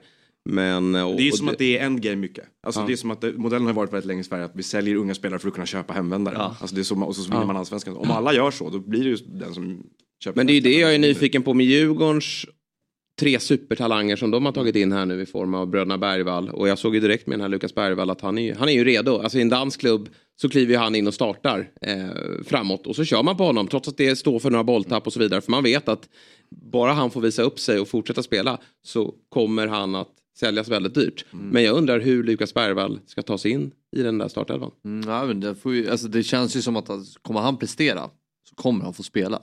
Det tror jag verkligen. Eh, men är han kanske lite sämre så kommer han inte spela. Där beror på mycket hur han kommer prestera. Men jag kan hålla med dig där att så här, det känns som att Danmark oavsett om man inte riktigt är redo så slänger man ändå in spelare. Alltså o, oavsett ålder, alltså när det är ett skarpt läge så får du ändå chansen. I det här läget som han hoppar in i, visst han ser väldigt bra ut, man ska komma ihåg att han hoppar in när Djurgården leder med, vad är det, 4-0. Mm. Eh, alltså, det gäller också att se hur kan du leverera när det är ett tufft läge. Ja, Det är ju sådana situationer de måste matcha sig. Men hela den här modellen, den är väl den kortsiktiga vägen framåt för svensk fotboll i alla fall. Att man, de ska börja sälja spelare för mer pengar. Men den kommer ju ställa de där frågorna som du ställer om Hammarby nu för många fler klubbar. Ja. Därför att vi, våra klubbar kommer också förvandlas mer till transferföretag som danska klubbar är mer Ja. på något sätt. Liksom än, vad, än att det är massa identitet i spelartruppen på det sättet som har Ja, varit. ja, det är ju exakt, det är symboliskt tråkigt. Men... Jesper Jansson går ut så ofta han kan och pratar om, liksom, alltså, om man kollar på, liksom, han pratade ju senaste veckan om att eh, i PSG så startar en 16-åring. Varför kan inte liksom, vi spela unga spelare i Allsvenskan? Varför gör vi inte det? Liksom, att han, han, ofta han kan så påpekar han den här grejen. Varför gör vi inte det? mer? Han var intervjuad i norsk media nu nyligen också såg jag och, och, angående de här grejerna. Ja. Och sa att Bayern lägger om strategin, har gjort sedan ett tid tillbaka. Och det här är ju- vad, de, vad man ser i Norge och Danmark. Det här är en rak jävla sats, eh, liksom resultat av satsningen i HTFF egentligen med alla de här spelarna. Eh, Alltså, utom Djukanovic egentligen. Majed kommer från Varberg också. Ja men också passerat genom HTFF förra året. Ja just det, han kom Ja. dit, ja. Han kom ju- ja, precis. Så, så såldes ju från Öster till Varberg till Ja. HTF. Så. Ja, men han var ju där och spelade, han, kom, han, han startade ju, han gjorde, ju allsvensk debut i Varberg förra året, hämtas in till Bayern, spelar hela året i ettan med, med eh, HTFF och sen upp nu. Och, ja precis, men och, och en sån som Fredrik Hammar, om vi snackar liksom kvalitet på spelare, liksom, han, har- jag önskar att han har nått sin peak så att säga i kvalitet. För han har ju liksom det här, eh, redan nu liksom det här, han slänger in huvudet först och sen så hoppas att han liksom, att han överlever. Eh, Den typen av mentalitet, eh, när man får fram en sån spelare i egna led så vill man ha en sån länge. Så jag hoppas inte han blir så jävla bra. Nej, så han bara, exakt. bara kör. nya Kennedy. Ja, precis. Men annars också handlar det ju, i och med att de slår tidigare, man vill att de ska slå tidigare, alltså vi pratar om att spela 16-17-åringar, då är ju problematiken också det att du får ju bara skriva treårskontrakt. Och då handlar det väldigt mycket om att ge dem speltid här och nu. För att hinner det gå ett år, helt plötsligt så börjar ju agenten säga att Nej, men nu, nu kan vi närma oss en, en Bosman-övergång här. Så att det finns ju bara vissa fönster man har på sig att, att sälja spelaren dyrt. Och jag är med dig där, det har ju blivit, förut var det ju att man blev imponerad av en övergångssumma på 20-30, nu är vi uppe på 50. Men sen samtidigt ser man ju Danmark sälja för eh, hisnande summor. Ja, men Tengstedt från Rosenborg till Ja. Benfica för 90 eller 100. Precis. det. Ja, Det- ja. de- Nej, men Vi, jag tror inte att det är så att våra unga spelare är för dåliga. Jag tror att det är för att vi är generellt för fega att satsa på dem. Jag hävdar ju att det här, kollar du liksom toppnivå i fotbollsvärlden så har du 10 spelare som kanske är på en egen nivå. 10-20 spelare som är klart bäst i världen.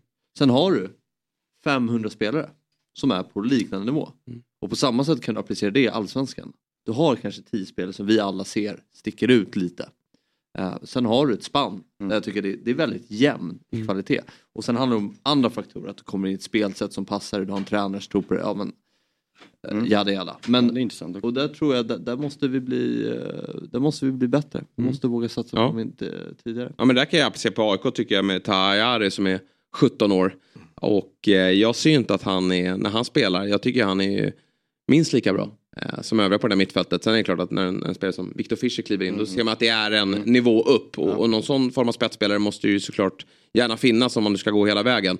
Men eh, yngre spelare bör faktiskt... Men, det är ju, men man undrar ju, ja, det är ju klart att det, är klart att det har att göra med hur mycket vi satsar på unga spelare i Sverige, att de inte får speltid och sådär. Men det som har hänt i år är ju att svenska spelare får mindre speltid i Europas tio bästa ligor än på tio år. Mm. Eh, och Ja, det nej, men- borde ju handla om kvalitet på något sätt också. Att våra spelare är inte lika attraktiva för de tio bästa ligorna. No, norska spelare får mer än våra till exempel. Ja. Och precis som Danmark är de hälften så många som vi är. Den danska satsningen är väldigt väldokumenterad. Men nu har även då den norska börjat bära frukt. Man måste fundera lite på det här. Ja, jo, det, Det är, inte, det är rätt logiskt om de plöjer ner mycket mer av sina pengar i ungdomsfotboll än vi gör. Att Jo. deras spelare blir mer attraktiva ute på kontinenten. så är det ju, absolut. Tror jag, så jag tror det inte bara handlar om speltid.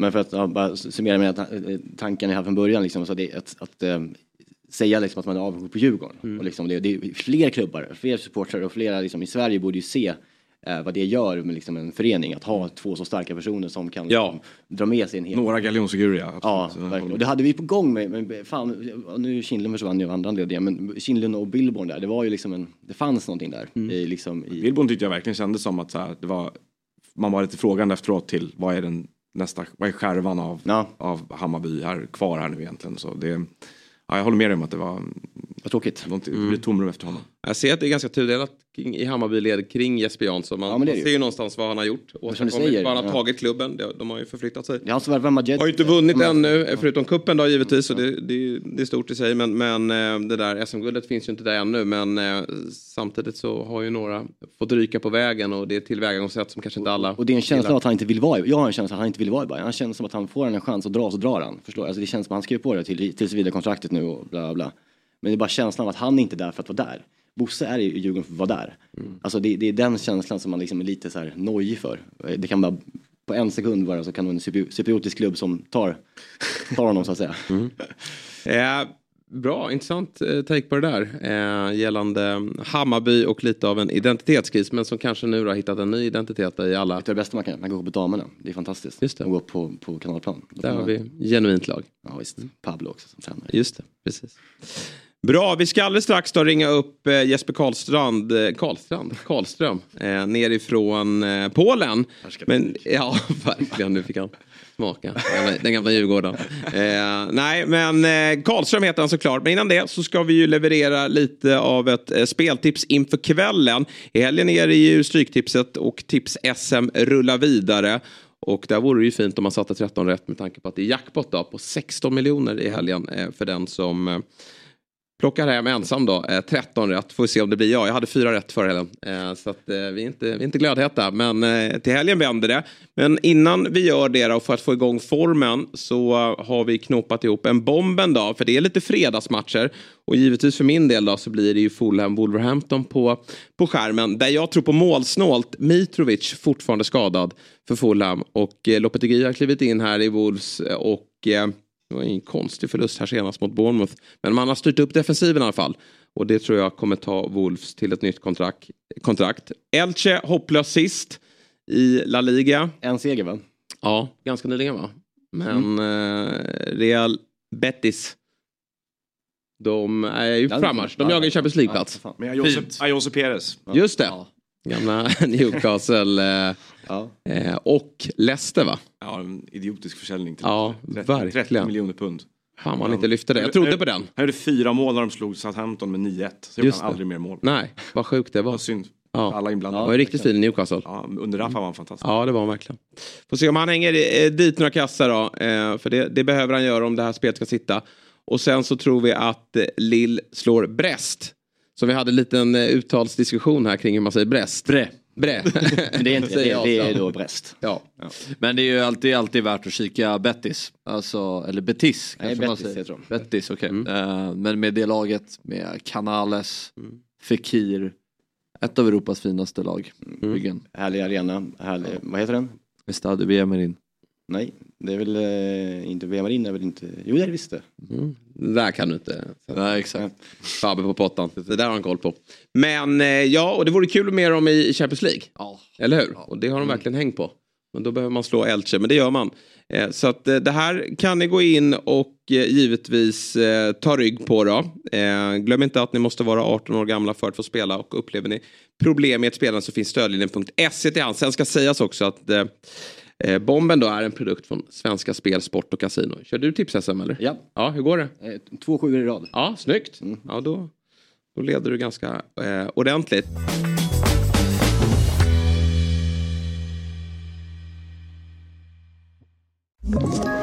Ett poddtips från Podplay.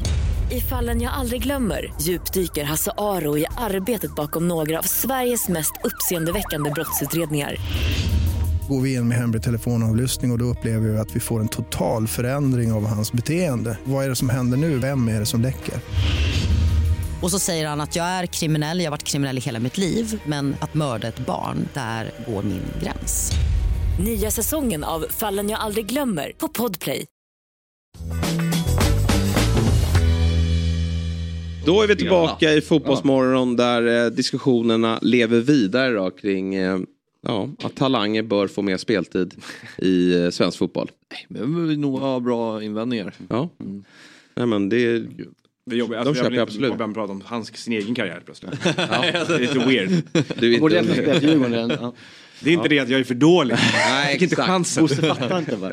Men Noah, annars har ju du ett litet intressant sidoprojekt med ditt Ljungbacken, CF. Ett gammalt Lidingö-lag. Ja, precis. Division 5. Ja, ja. Snart kanske ni möts i seriesystemet då. Fabbes division 6 -lag. Hoppas ju ta klivet upp. Får gärna komma upp och berika vår Ja, serie. ja, exakt. Vi kan byta idéer och studiebesök till varandra. Ja, exakt. Vart spelar ni någonstans? Östermalms? Det är hemmaplan, ja. De gör ju om nu träningarna så vi kommer att träna utanför Hur tullarna. många lag är det som spelar på Där. Ja, det är alla i Sverige tror jag. Ja, det är typ det. Samtidigt. Och så är det amerikansk fotboll också. Ja. Och skridskor runt. Bandy. Djurgården bandy går ju som tåget. Fler planer behöver vi. Ja, Ja, vad spelar de? De spelar Östermalms IP. Ja. Ja, just. det. Mm. Ja, sjukt. Bra, då ska vi göra som så att vi ska alldeles strax ringa upp Jesper Karlström. Men han kanske inte är med oss. Vi pratade lite kring den matchen innan. Ja, kikade berätta. Du såg den matchen. Ja men Karlström bra. Ja. Solid. Mm. Man märker verkligen att han, är- han är... Det var kul om du sagt något annat nu. Katastrof. Nej, men så trygg- Han håller inte i Polen. Ja, exakt. Nej, usel insats. Ja. Eh, nej men jag kan säga att det var en eh, trevlig match att titta på. Mm. Eh, tycker jag. Eh, svängde fram och tillbaka, väldigt ovisst. Med tanke på att det blev 0-0 i första mötet också. Den, I vissa perioder var det ett högt tempo, sen i andra perioder så gick det ner lite. Men det var bra match. Om Djurgården nu får eh, postnamn på eh, lotten då? Givna vi favoriter. prad- Vad sa du? Givna favoriter. Givna favoriter. Ja, men vi får väl göra som så att vi kopplar in eh, Jesper som nu är med oss då. Min namne är Jesper Karlström som då alltså är Central mittfältare i Lech Poznan och ganska nyligen också har förlängt kontraktet. Vi säger god morgon och varmt välkommen tillbaka till Fotbollsmorgon. God morgon, tack så mycket. Du, eh, hur är läget så här dagen efter att ni har eh, tagit ytterligare ett kliv i Conference League? Eh, nej, men det är riktigt skön känsla såklart. Eh, det enda hade väl varit om ni kunde startat ett program lite tidigare. hade varit perfekt. Ja, är du, en, är du inte morgonpigg eller? Inte just idag kanske, men eh, nej, det, det, det går bra. Vi har Ja. träning eh, snart ändå, så det är okej. Eh, Vi är väldigt tacksamma att du ställer upp. Fabbe hade ju lovat det och jag var väldigt tveksam när han sa att du skulle dyka upp så här tidigt dagen efter en seger. Men eh, Vi sa ju det, vi, vi, vi håller oss lugna. Vi snackade om att förra, skulle vara med förra veckan. Att vi lämnar det som ett litet lugn att de tar sig vidare. Ska vara med nästa fredag istället. Mm. prata upp lottningen också. Men du Jesper, berätta om, om gårdagens match. Eh, 1-0 mot Bodø Glimt. Eh, vidare som sagt. Hur kändes matchen? Eh, nej, men det var, det var en... Ehm, eh, de är väldigt bra, Bode, måste man säga. Eh, man märker att de är samspelta och har... Ehm, eh, de har väl haft samma tränare ganska länge och många som har spelat tillsammans eh, ett tag. Eh, så att, nej, men det var, det var en eh, riktigt mäktig match för oss med eh, nästan fullsatt. Eh, och ehm, eh, vi började ganska bra tycker jag. Eh, vi, vi ville komma ut och ändå försöka få lite liksom, hjälp av fansen och trycka ner dem lite. Och, eh, ja. Men det är ju så när, när det är som en final eftersom att första matchen blev 0 att, eh, Det var väl lite, lite fram och tillbaka och kände lite på varandra. Ehm, eh, de hade bollen, vi hade den ett tag och sådär. Eh, sen så tycker jag vi började andra halvlek också ganska bra. Eh, försöker komma ännu högre. Och eh, de frilägen när det står 0-0 i andra. Eh, ganska sjukt att han missade det. Men eh, lite flax och sen så gör 0 och så var det väl rätt mycket, rätt mycket försvara och gå på kontring sista 25 där. Du, hur viktigt är Europaspelet för er kontra ligaspelet?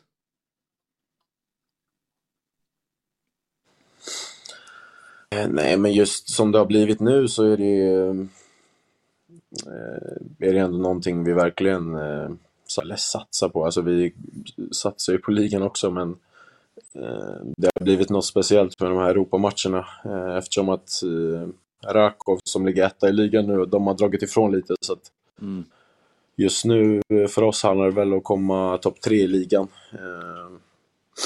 Så att vi har haft några, några fina Europamatcher. Vi har eh, varit starka hemma mot, så vann vi med 3-0 gruppspelsmatchen.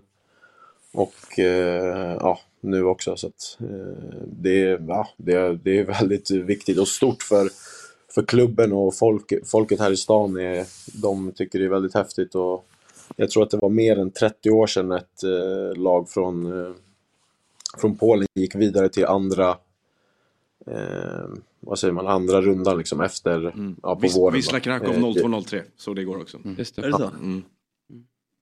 Så att, eh, ja, eh, och för Lech Poznan ännu längre sedan då. Eh, så att eh, vi har skrivit in oss i historieböckerna här en gång till, eh, så att det är väldigt kul. Det här var ingen Discovery-statistik du kom med. Den här var relevant på riktigt. Eh, du menar att tidigare i programmet har det bara varit? nej, nej, nej. Jag menar det. En passning till Discovery helt enkelt. Men, Men det- jag har bara frågat, hur stor är fotbollen i stan? Alltså hur stort är det för folket i stan med, med laget? Ja, men det är, det är väl eh, nästan allt. Det finns ju inte någon annan sport riktigt här som är stor. Eh, så om jag, nu när jag tänker efter. Så att eh, ja, alla hejar ju på Lech Poznan och det finns ett annat lag som eh, Varta Poznan som också är i högsta ligan nu. Men eh, det är lite mer som BP skulle jag säga. Så att det, det är liksom ingen riktig rivalitet så. Utan när vi möter dem så är det, alltså det är väldigt så här, ja, det är inget hets eller så. Det är inget riktigt derby om jag, på det sättet. Utan det är Lech Poznan som gäller här i, i stan. Mm. Hur, st- så du kan knappt röra dig ute på stan då eller? Du blir igenkänd direkt när du rör dig runt? Ja, alltså ja, det, det, Eh, det kan väl hända, speciellt när man är tillsammans eh, med folk i laget så är det ju folk som tycker det är kul och vill eh, och kommer fram och så. Du, vi är ju väldigt nyfikna här nu då på, på lottningen med tanke då på att även Sverige har ett lag vidare i Conference League. Och det är inte vilket lag som helst. Det är ju din gamla klubb Djurgården som du faktiskt kan ställas mot. Hur går dina tankar kring det? Eh, ja, eh, det hade varit riktigt skit. ja. Men eh, Vill- vill du det? Andersson, eh, alltså det hade varit väldigt kul på ett sätt. för Dels för att komma tillbaka till Stockholm och få spela på Tele2 och så. Även om jag vet att det hade varit väldigt tufft eh, för oss på konstgräset där och Djurgården är starka hemma. Eh, men det hade också varit kul för folk att komma hit, många som man känner och många supportrar där och få se, se hur det är här. Eh, Men Bosse, Bosse skrev till mig igår efter matchen och skrev grattis och vad skrev han? Ska, han skrev typ eh, grattis, eh, jag lovar att det blir DIF Poznan, då, då ska du få ha mycket boll eller något sånt där. Aha, okej. Eh, Ja. han, han, han gillar ju att skämta. Ja, jo, det, det, han gör ju det, den gode Bosse. Men eh, vi, eh, vad, vad känner du då så här, hur står ni? Nu har ni ändå slagit ut Bode Glimt samtidigt som Djurgården då skickade ut Molde. På förhand, vad skulle du säga? Vilka får bära favoritskapet i en sån typ av match? Ja, alltså.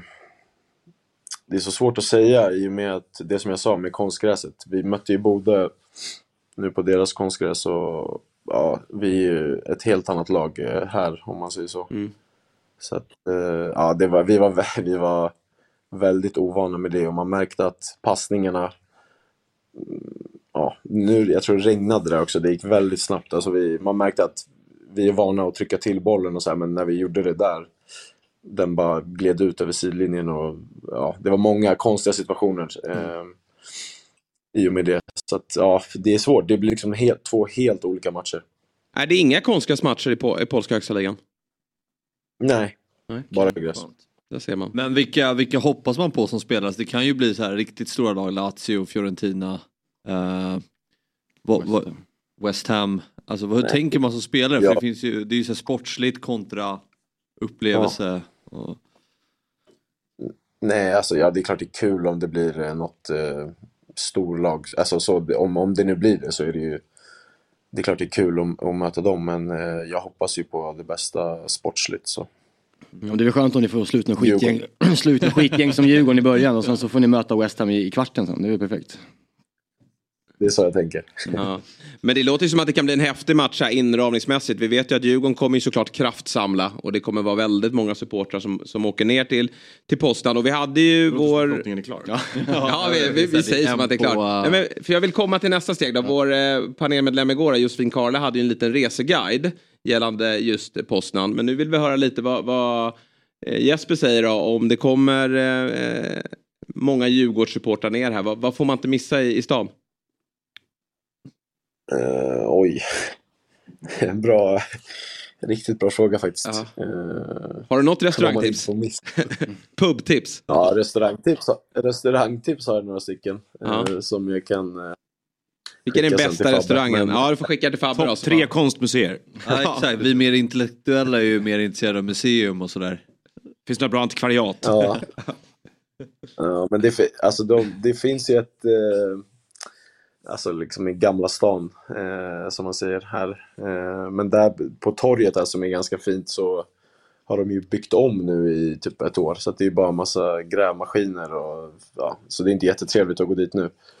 Så därför så eh, är det lite svårt att tipsa om något speciellt. Det är ju fotboll, fot, gå på fotboll som är, som är höjdpunkten. Ja. Det eh, räcker ju gott det faktiskt. Och så- Till och med när jag bildgooglar på posten så ser man The Old Market Square, bara, eller arbetsplats bara. Så det är deppigt, eh, till och med på Google. Men du, om vi släpper Ja, eh, klu- klubblagsfotbollen då och blickar framåt mot landslaget. För det är ju en samling här ganska snart. Det ska ju spelas EM-kval. Och min känsla är ju att du är ju på riktigt nu en del av det där laget. Delar du den känslan? Ehm, ja, alltså jag var ju med hela förra året. Ehm, men det är klart det är tuff konkurrens och det har väl varit så att någon har varit skadad och ehm, ja, alla som har varit inne i mitt fältare har gjort det bra. Så, så att det Nu var ju Samuel eh, Gustafsson med senast och gjorde det väldigt bra så att eh, det är tuff konkurrens. Så jag, ja, vi får se om jag blir uttagen men ja, det är alltid väldigt kul att vara med och man Jag minns verkligen första gången jag var med där och man blev eh, sugen på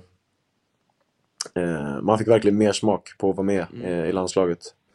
Eh, för det har ja, många duktiga spelare och eh, kul på träningarna och sådär. Så att det, ja, jag hoppas men vi får se.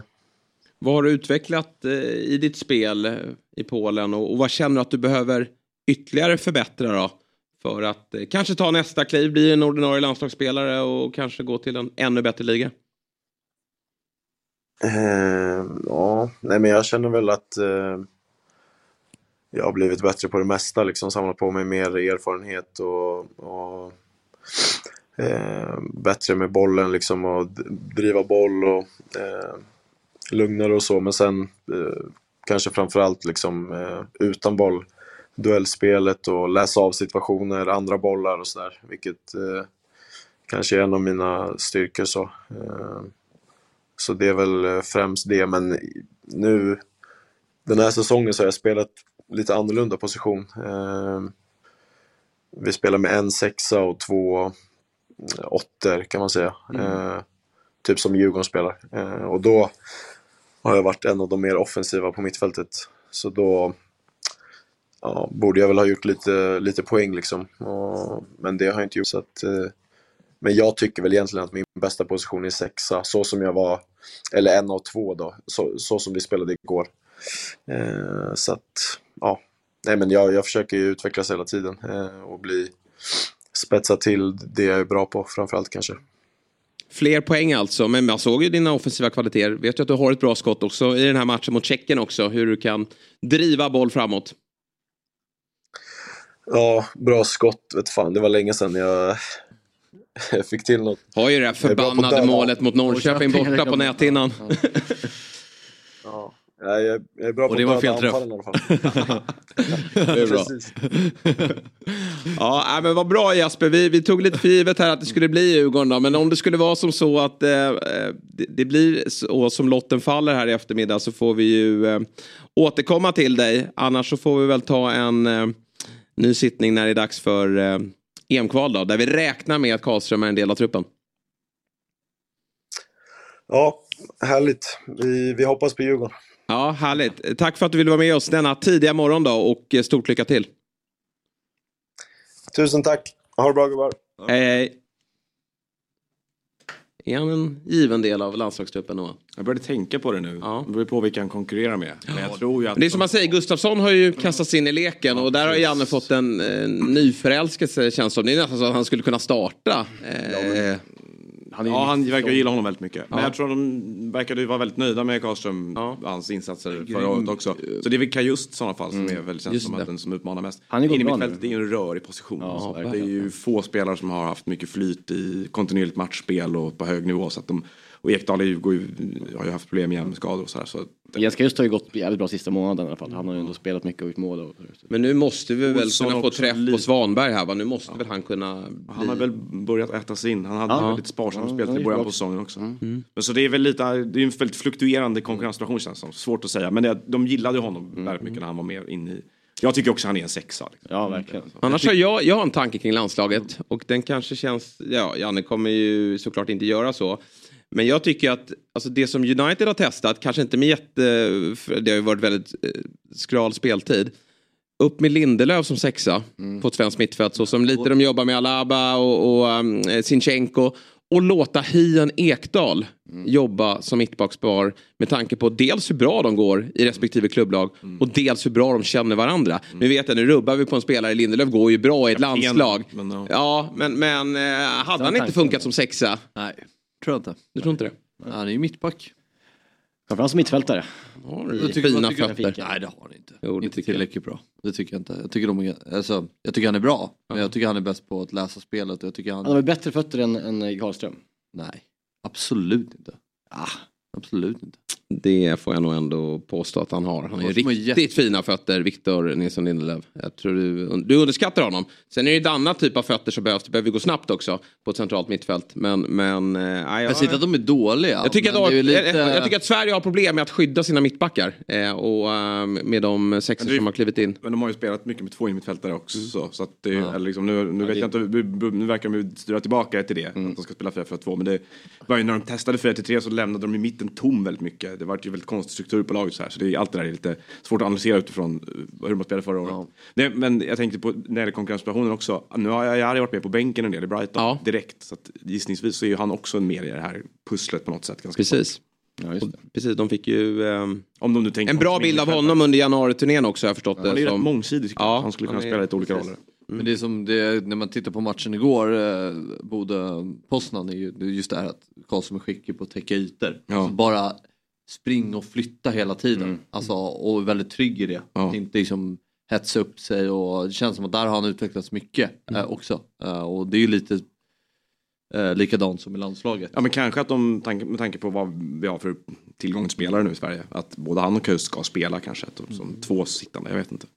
Ja, just vill man ju någonstans se mer av samtidigt som man kanske inte har blivit övertygad av det man har sett i landslaget hittills. Men det bygger ju också på att man måste få lite kontinuitet. röriga och- tider spela. Väldigt rörigt har det varit. Nya konstellationer och, och Benjamin Tahirovic gör fel tycker jag. Ja. Valt Sverige, det finns en plats där. Mm, men han har ju tappat sin plats här nu i Ja, Roma, så verkligen att det kanske blir Direkt. rätt kvar. Ja, verkligen. Det, det gick snabbt. Han inte ens meddelade innan. Nej. Nu ska vi prata med någon som bestämmer om han själv får spela eller inte. Eh, för att, eh, vad vi har med oss då i eh, Fotbollsmorgon denna morgon är ju den spelande tränaren i division 2-laget eh, Onsala BK. Vi säger god morgon och varmt välkommen till Fotbollsmorgon Adam Fogelblad. Ja, tack så mycket. Är det lite av en döende art, spelande tränare? Ja, med rätta kanske. Ja. Men eh, så är fallet i alla fall. Hur eh, kan du bänka dig själv? Eh, ja, alltså vi har, vi har ju eh, en stor ledarstab så alla tar ju besluten tillsammans såklart. hur, hur, hur kan ett sånt samtal gå till? Tänker jag. Nej Adam, nu, nu får fan du ge dig. Ja, nej, men det är väl... Eh, det kan väl vara lite stela diskussioner ibland, men eh, ofta så kommer vi till bra beslut ändå. Har det varit någon gång när det har varit oense och du ändå har hävdat att du ska starta?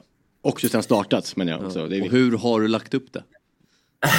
Nej, det har nog mer varit åt eh, andra hållet faktiskt, när man, eh, när man har lite dåligt självförtroende och sådär. Men så... Eh, det är en enkel utväg. Ja, ja exakt. Det är enkel utväg att ta bort sig själv, ja. Men det är inte kapten, straffar, hörnor, frisparkar också? Nej, det är, eh, det är sexa, det är mycket slit och det är, det är inga, inga straffar och ingen kaptensbindel. Nej, men eh, vi ringer ju dig av anledningen att vi har ju två division 2-lag i Svenska Cupen och förra veckan pratade vi med IFK Luleås lagkapten eh, William Olausson. Men nu kommer turen då till Onsala BK och ni fick ju en tuff start här då Mm. med förlust mot eh, Helsingborg eh, 5-0. Vi ska väl inte älta det allt för mycket men bara hur var det att möta ett elitlag? Eh, nej, det var, vi har gjort det två gånger nu tidigare då, de Mm. senaste, det senaste året. Så vi mötte ju ÖIS i den här kvalificeringsomgången och de vann vi mot. Och sen så förra året så mötte vi Malmö borta på Eleda och då torskade vi ju 5-1.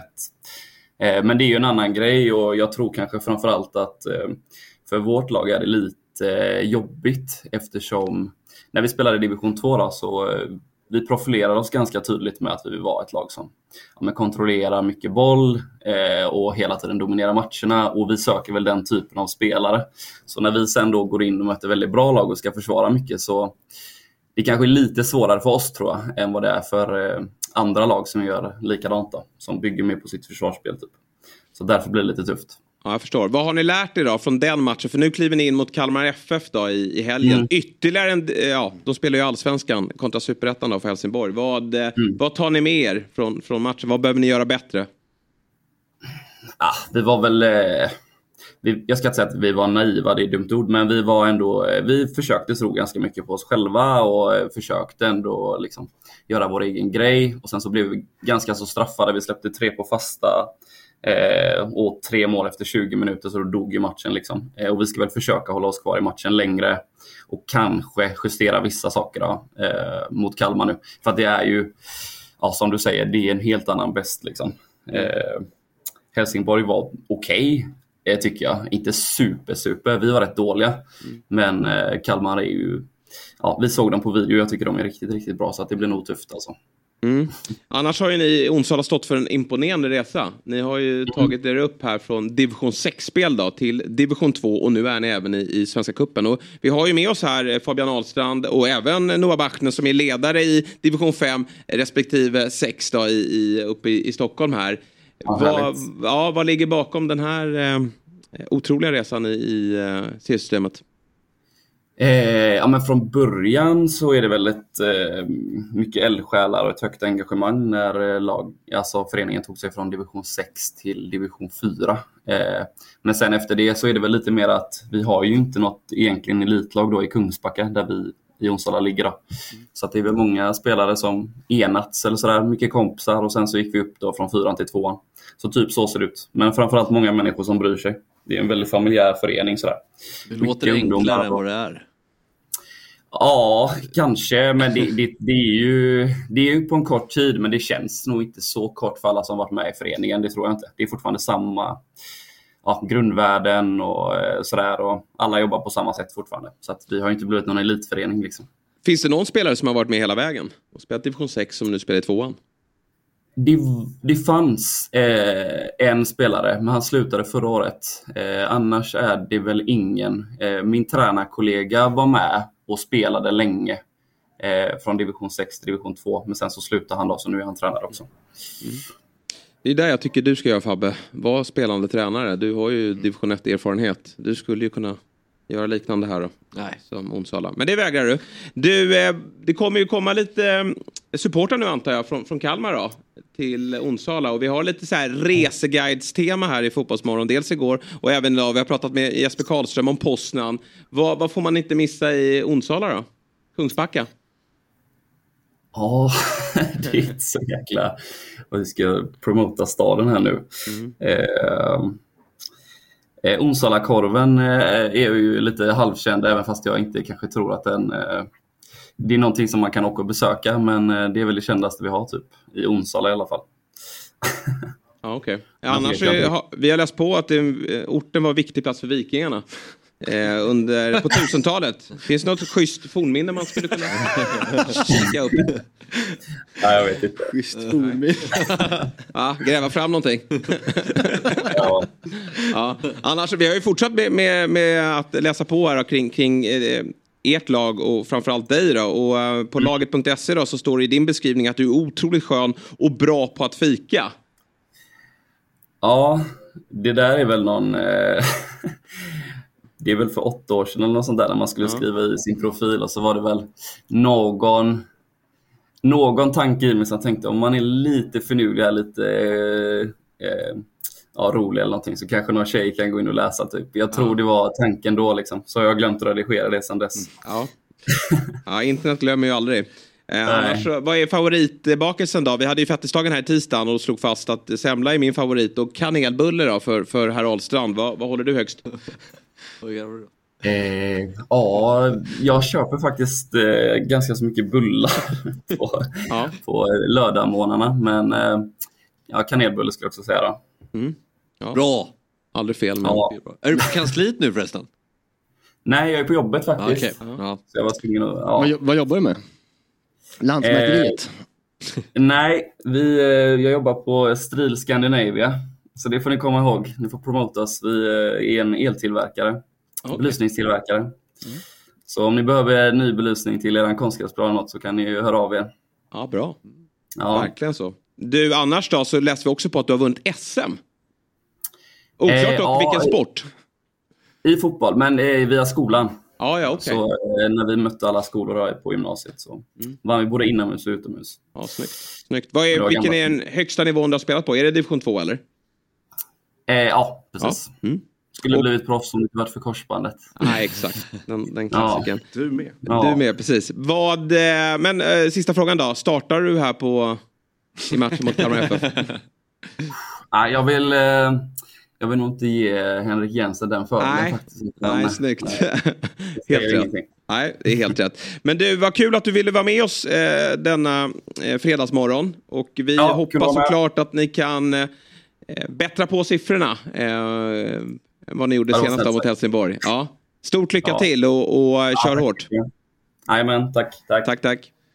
Henrik Jensen har suttit och lyssnat igenom. Jespers Ja, ja. snack om fornminnen och väntat på nyheten och så bara fan. Han ger oss inte det. Men vad, vad skrattade du åt om kanelbulle? Nej, men det var bara så här, det var han som och herr Ahlstrand äh, säger kanelbulle. Det är sällan man pratar om herr Ahlstrand kan- kanelbullar. Han är ju chefstränare numera, då måste man ju benämna honom så. Ja.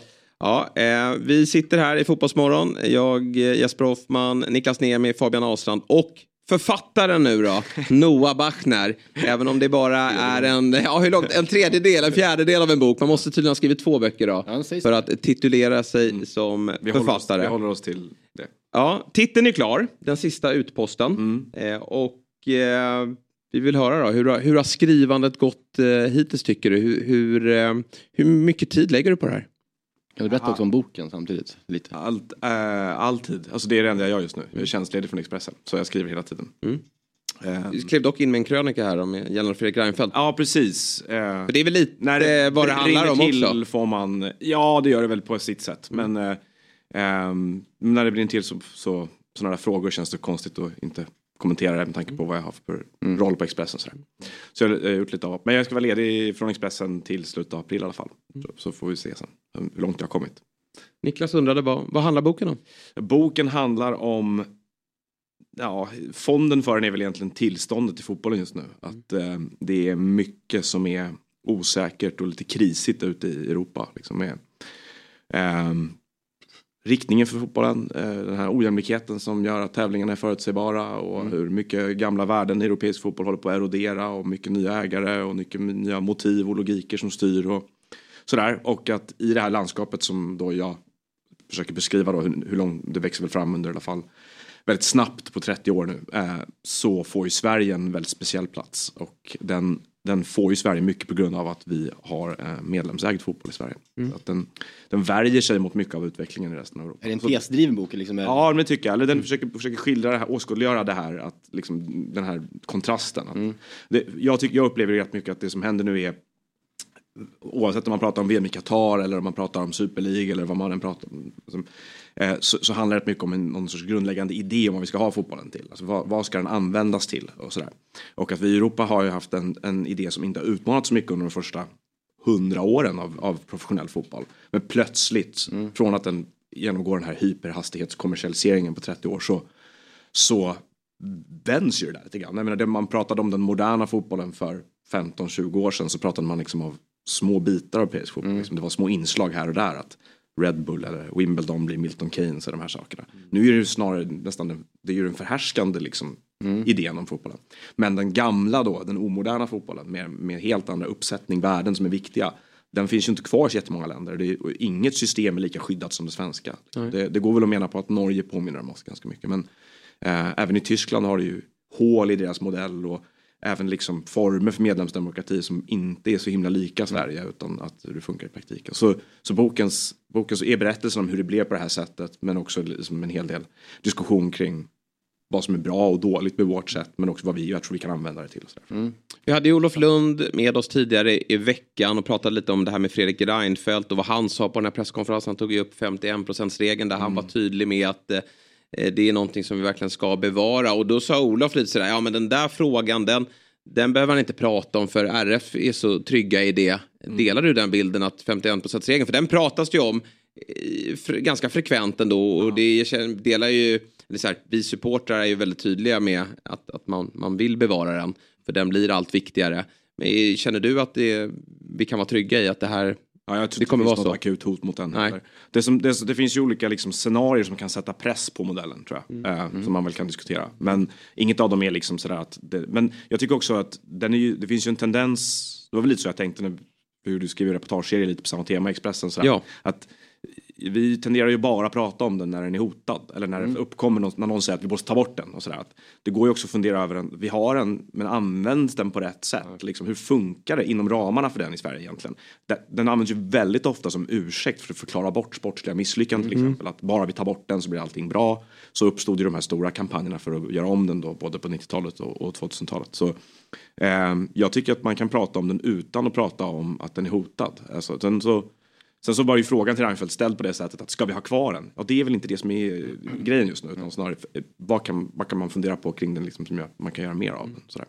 Och, och också som jag försöker göra i den här boken diskutera vad vi faktiskt har tjänat på den. Därför att ehm, det är ju inte för inte som det plötsligt står fans inne på Old Trafford när de har stormat arenan med skyltar det står 50 plus one. Eller att många diskussioner i andra länder nu utgår från att vi kan inte skaffa medlemsägda klubbar så det är inte ens en diskussion för oss. För att staten kan inte konfiskera egendom eller köpa tillbaks klubbarna från. Men, men det är inte sagt att det inte är den modellen många faktiskt vill ha egentligen. Men känslan är utan den så hade vi inte haft eh, Stockholmsderby med 50 000 eh, titta på det. Förstår du? Men det, Nej, intresset om man ska hårdra det så är det väl lite så att det, är liksom, det finns olika, vissa saker som har varit väldigt bra för svensk fotboll med att behålla det här. Men Jag tänkte på det du sa, du sa att det fanns några scenarion som kan liksom Pressa den. Pressa den. Ja. Tänker du då typ på ja, men, eh, exempel som AFC? eh, de är väl ingen hot mot den på det sättet. Nej, men, jag. Men, ja. men, eh, men jag tänker att, att, liksom att man kan väl sammanfatta det som att här, ehm, det finns väl politiskt och ekonomiskt tryck som skulle kunna göra på olika sätt. Alltså jag tror att Skulle ni vi, vi, vi komma in pratar och om... bara köra, säga, bara tydlig med att säga, jag vill ta bort det här? Nej men det kan inte han göra heller. Utan det, är ju liksom, det här är ju att, att fotbollsförbundet ligger under RF. Skulle modellen med RF som samlande institution för Sverige spricka så att staten skulle välja att göra om sina anslag till RF på något sätt. Att säga att vi ska inte fördela pengar från staten. Finansieringsmodellen i svensk idrott är ju fortfarande väldigt mycket att det är statliga pengar som, som går till att finansiera idrotten, breddverksamhet framförallt. Så det är väl en grej liksom att det, man, det kan påbörja politiska processer ganska långt bak som kan mynna ut i att hela den här strukturen för svensk idrott görs om. Ehm, sen det andra, jag menar vi har ju inte bara i, i idrott eller fotboll men det är ju ett ganska eh, ideella organisationer är ganska utsatta för kriminalitet i Sverige. Att skulle de liksom infiltreras för mycket av organiserad brottslighet och så vidare skulle man kunna börja fundera över, är det här en form som funkar? Så det tror jag. Och sen så, vi har ju tidigare, näringslivets liksom intressen i de här frågorna har ju varit ganska begränsat i Sverige historiskt. Att vi har inte haft jättemycket folk som har liksom, det är klart det har funnits människor med mycket pengar som har gått in och gjort saker i fotbollsklubbar och så. Men ytterst få framträdande svenska stora affärsmän eller företag som har aktivt propagerat för att de verkligen vill äga fotbollsklubbar. Nu har vi ju vi har förändringar även där. Vi har liksom rätt mycket miljardärer i Sverige som är ganska nya miljardärer. Kanske har en annan syn på de här sakerna. Liksom. Dan- Daniel Ekberg till exempel ganska intresserad av att köpa. Så man, man vet aldrig var liksom de här processerna börjar och slutar. Så jag ser bara, det är det jag menar med scenarier. Man kan fundera över. Jag, tror- jag tror absolut inte den är hotad nu alls. Det är inte, liksom, men det är inte ingångspunkten. Nej, inte hela boken heller. Det handlar inte om Nej, nej, det handlar inte om hot mot dem. Ett land man oftast tittar avundsjukt på då, i rådande läge då, där vi kanske känner att vårt anslag har tappat mark och, och vi har spelare som inte får speltid där ute. Nu tycker jag ändå att Djurgården är ett bevis på att vi lyckas hyfsat ute i Europa även om man kanske hade gärna haft fler klubbar som lyckas. Men det är ju Danmark som ju inte har den här 51% regeln. Men du har ju varit där och även upplevt baksidorna med eh, att om man eh, tar in utländska ägare. Hur var din upplevelse på plats där och hur eh, ser danskarna på att de inte är, att klubbarna är medlemsstyrda? Ja, de ser ju på det på olika sätt. Men det var, rasade ju. Jag var i Esbjerg då framför allt, Men man skulle kunnat åka till. Vad heter det för någonting? Pandrup. Där Jammerbuk kommer väl därifrån tror jag. Eller till Nästved eller till eh, Vejle eller till eh, ja, en massa rad olika klubbar som har haft ungefär liknande scenarier. De har ju ofta fått in väldigt mycket utländskt kapital på kort tid liksom, av olika sorter. Eh, och det som rasade i Danmark, danska tidningen Politiken skrev ju en serie om det här som handlade om liksom vad det har gjort med dansk fotbolls själ som de kallar det. Och det är väl just den här idén om att vad finns Jammerbugt till för? Det är en ort med 3000 invånare som verkligen slogs över sin viktklass i många år liksom, och var eh, ganska högt upp i danska division 2 tror jag motsvarande. Eh, och som köptes då av en utländsk investerare som hade någon liksom mycket mer eh, industriell tanke om alltihopa. Tryckt in ungdomar från olika länder runt om i världen. Rensade ut många av de lokala ledarna och så vidare. Och det li- naturligtvis höll inte modellen därför att många av mindre klubbar är beroende av de här täta liksom, s- banden till sina lokalsamhällen och så vidare. Esberg är ju lite, lite större stad, en arena som tar 18 000. De har vunnit ligan flera gånger och spelat jättemånga säsong 45 säsonger tror jag i Superligan och sådär.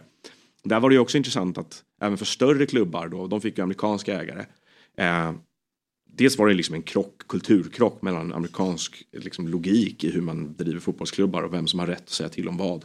Men sen också mycket lokala sponsorer som liksom kände att det, var inte, det fanns liksom ingen kontakt längre. Liksom, att det var, staden hade liksom förlorat sin fotbollsklubb på olika sätt. Och jag tycker liksom nu, nu har ju Midtjylland varit ett väldigt bra exempel för dansk fotboll och de har ju andra sådana också. Där Nordsjälland och... Ja, ja, och Helsingör tror jag också har varit sådär, haft utländska ägare och det har blivit ganska bra på olika sätt. Så det är ju inte att det alltid är bra eller alltid är dåligt, men det är bara Nej, nej. som helhet, som ekosystem så tror jag liksom att de, Jag Danmark tycker- är ganska bra. Jag säger som viktig formulering så här, v- v- vad är, eller vem är fotbollen till för? Och Ja. varför finns fotbollen i ett samhälle? Alltså varför är den där? Och det är liksom utgångspunkten egentligen lite för de här eh, Absolut. frågan. Nej, det, det är precis det. Jammerbukt, det var de som Malmö Ja. Ja, ja det, det avbryts. Nej, tror jag vet inte, jag tror inte det. Men Sen- det, de har tufft i alla fall. Sen tycker jag den här diskussionen oftast också, jag lyssnade till Thomas Mattsson som gästade Studio Allsvenskan och han var väl mellan raderna så märkte man att han var lite av en förespråkare för att 51%-regeln skulle bort. Mm. Eh, av den anledningen då som många pekar på att ja, men vi måste få fler lag som lyckas ute i Europa. Och någonstans så känner väl jag att när det alltid vankas Europaspel så pratas det högt från klubbarna att nu ska vi försöka lyckas och ta oss till det här gruppspelet för att få in mer pengar. För det förstår man ju att det är, liksom, det är att sälja spelare och att ta sig till Europa som är de stora intäkterna. Men jag delar, jag känner ändå inte att supporterna riktigt är med på det här racet att vi ska lyckas i Europa som det viktiga. Jag kan ju bara, liksom säga, jag kan bara gå till mina egna känslor. Jag, jag står någonstans och också inför en säsong känner att man pratar om att det är så viktigt att komma till Europa. Men jag ser ju hellre fram emot AIK Värnamo i allsvenskan än den här Europakvalet. Alltså jag kan inte, alltså, allsven, vinna SM-guld, det är ju det viktigaste. Ja, det är, alltså, vår fotboll är otroligt autonom. Ja. Alltså, den är otroligt mycket inåtblickande på det sättet. Så länge vi är nöjda här så är det bra. Liksom, Men, men jag tycker inte det behöver betyda att den ska vara dålig. Och den skulle kunna vara mycket bättre och den skulle kunna konkurrera mycket bättre internationellt. Även om man har kvar alla de här värdena. Så det där är, men jag håller med dig. Det, det är ju intressant med Malmö.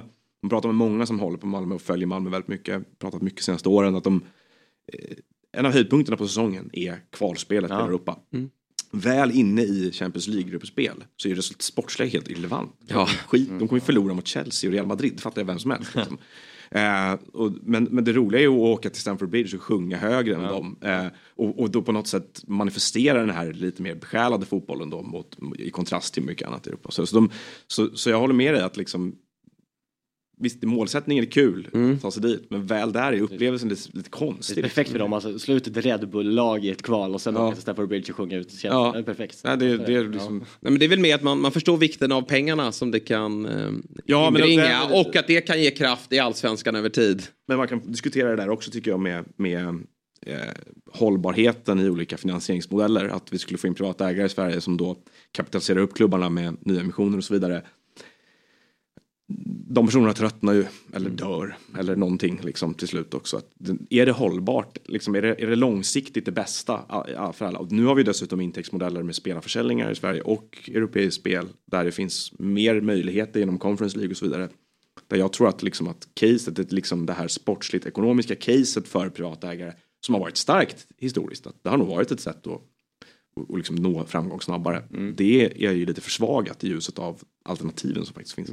Men du menar på att eh, svenska fotbollsklubbar kommer kunna hänga med i, i, eh, i utvecklingen när allt fler klubbar utanför våra gränser blir kapitalstarka och att eh, ja, men så här frågor som VAR, det är också en sån här som många förespråkare för VAR, att ska vi hänga med i den eh, internationella fotbollen så måste vi införa det i allsvenskan för det blir en annan typ av sport här hemma.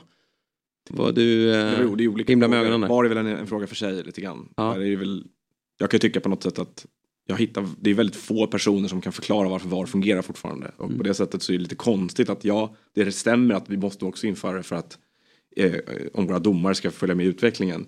Men frågar du publiken i Europa som har suttit med VAR några år nu så tycker de att vi har gjort rätt tror jag.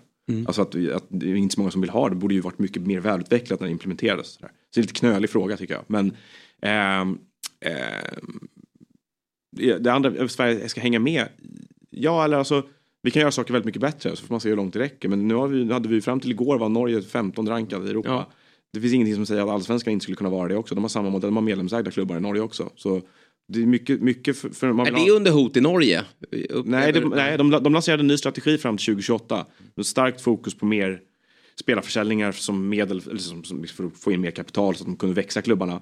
Och i den strategin så låg det också en, en punkt om en utredning av ägandeformerna.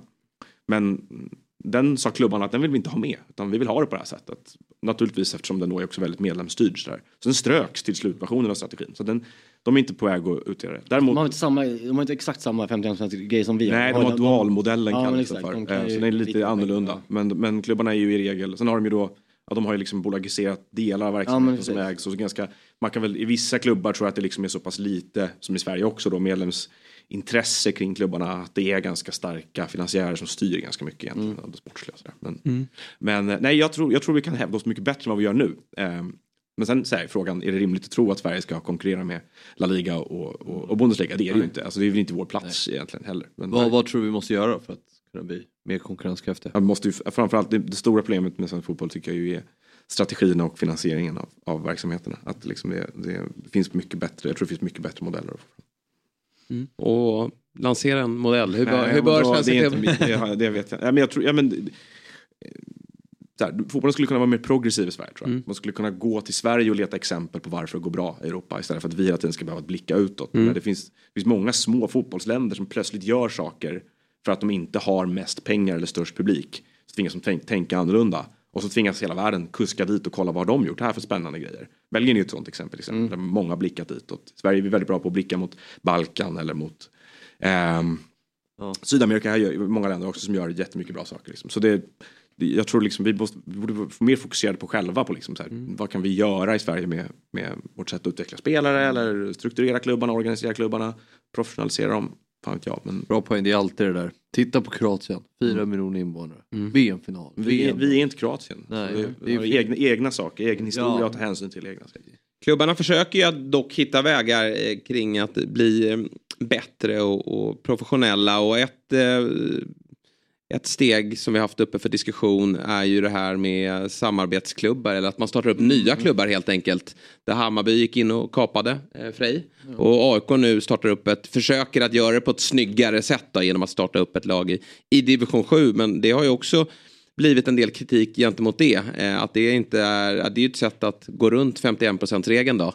Att man eh, startar upp nya eh, klubbar eh, där man sätter folk från eh, moderföreningen då i, i styrelsen. Hur ser du på det här med problematiken kring att det startas Ja, upp nya förstår- klubbar? Jag förstår problematiseringen av det därför att på sikt är det väl, det gör ju inte så mycket så länge de här klubbarna inte tar plats i seriesystemet från andra föreningar. Men om vi har en konsekvens där Sveriges tio största klubbars B-lag utgör superettan så är det inte så kul. Nej. För det tror jag dödar fotbollens Mm. liksom, geografiska spridning i Sverige på ett sätt.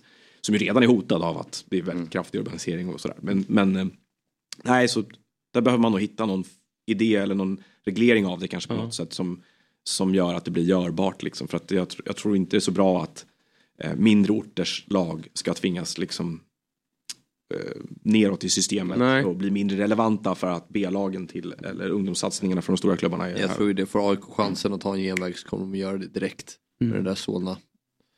Vad heter de? AIK? Solna. Men det har ju funnits, alltså Akropolis fanns ju möjligheten att Ja, jo, över men, där. ja, ja, De- jag bara sa, men hur många sådana här till exempel kan, kan vi få se innan man på riktigt bör Ja, men de reagera? det- det är lite- det, börjar ju växa ändå lite nu. Att det, Förbundet är ju lite som Uefa i de här frågorna tycker jag. Bland annat. De reagerar så sent. Alltså liksom att det här, där borde man ha haft en fundering kring sedan lång tid tillbaka. Att det har ju varit flera lag som har försökt göra så här, eller gjort så här i olika perioder och så har det funkat på lite olika sätt. Men det är lite som att eh, Uefa nu släppte sin benchmark report här förra veckan. Eh, tror jag var, förra, förra veckan. Och för första gången säger att de tycker att den sportsliga integriteten i Europa hotas av multiclub-nätverk. Nu. Alltså det har ju pågått, det är ju liksom vi är fem- det är 15 år för Ja, sent jag att börja fundera på det. Så det är lite samma sak här, man undrar vad ni, organisationen som har till uppgift att skydda integriteten. De borde ju rimligen göra de här analyserna i tid. Liksom. En annan aspekt som är farlig, liksom, till att ta HTFF som ett exempel. Första året på HTFF så var ju, de var ju på håret åka ner i division 2. Mm. Alltså vad händer då? Eh, ge- överger man den klubben då? För kan man inte att hela spelare och spela i division 2 heller. Eh, så med, överger man den klubben och så har- går man in i en ny klubb, alltså det är ju det som är farligt också. Det är ju ganska kortsiktigt tänkt för vad som fan, fan händer om den raserar den satsningen. Samtidigt så tycker jag, jag, jag tycker ju det här är en väldigt, väldigt komplex fråga. Mm. Just med koppling, alltså med tanke på föreningsdemokratin-frågan kontra på hur det faktiskt ser ut i Sverige rent eh, fotbollsmässigt. Jag menar, den övergången från P19 fotboll till eh, seniorfotboll är det största glappet vi har. Mm. Den övergången måste bli bättre. Nu har de gjort det bra SCFF med att de har ändrat regional P19-serie till nationell. Mm. Så att de bästa får möta de bästa. Mm. Eh, och det kanske man borde tänka på att göra i lite yngre åldrar. Alltså, Belgien har de det från åtta tror jag. Eh, jag vill inte ta ett annat exempel. Men, på- Kolla på Belgien. Belgien Och gör de nere på Balkan. Ja men där värvar de ju spelare. jag menar- Och Belgien är fem mil stort ungefär. Så det är... Ja, men jag menar portugisiska klubbar var spelar med åtta. Ja exakt, geografiskt. Jobbigt för åttaåringarna i Luleå att åka på bortamatch. Ja, men samtidigt, det har ju varit för dåligt i svensk fotboll att vi har haft... Eh, Övergången har inte funkat. nej. men att vi har haft inte de bästa lagen i P19. Alltså vadå, Djurgården, eller de bästa akademierna ska ju möta de bästa akademierna Mm. när du är 17, 18, 19 kan jag ändå tycka. Annars så kan vi ju lägga ner allt egentligen, även kanske till och med 15-årsåldern. Och det är ju svårt att hitta en miljö för här, i svensk fotboll att ha de här lånelistorna. För jag fattar ju klubbar, ja, men om, om Djurgården lånar ut en ung talang till en division 1-klubb. De har ju sina spelare som de vill kunna tjäna pengar på och komma in en spelare på, på lån som de inte kan kapitalisera på. Det, det blir också problematiskt. Då kommer ju den spelaren kanske inte få den speltid som Djurgården har tänkt sig att han ska få. Nej, och det, och det är också det här, man pratar om att det är bra med samarbetsklubbar men hur hårt vill den stora klubben hålla i den Sina spelare? Ja. Nej, division 1-klubben. Ja, det menar alltså, så. hur mycket vill Ja, de ja, ja. kontrollera? För samarbete, det är ett ganska luddigt uttryck. Vad innebär det? Ja, och sen finns det alltid den här tror jag, konkurrenssituationen där att, att, liksom att en division 1-klubb, eh, vad, vad blir bäst för den egentligen? Mm. Att rimligen är det ju att ha en så bra ungdomsverksamhet som möjligt och fostra egna spelare eh, och ta sig fram för egen maskin. Liksom. Att, att vara vaktmästare åt 19-åringar från en större klubb från en annan stad och så vidare. Ja, nu kan, igen kan de här identitetsfrågorna uppstå tror jag lite grann. Vad håller vi på med här igen? Liksom att det, är det här ett internat för 19-åringar från Stockholm eller, är det en, eller ska det vara liksom den här ortens grej att sluta upp runt och så vidare. Så det, Ja, på så sätt är det ju väldigt svår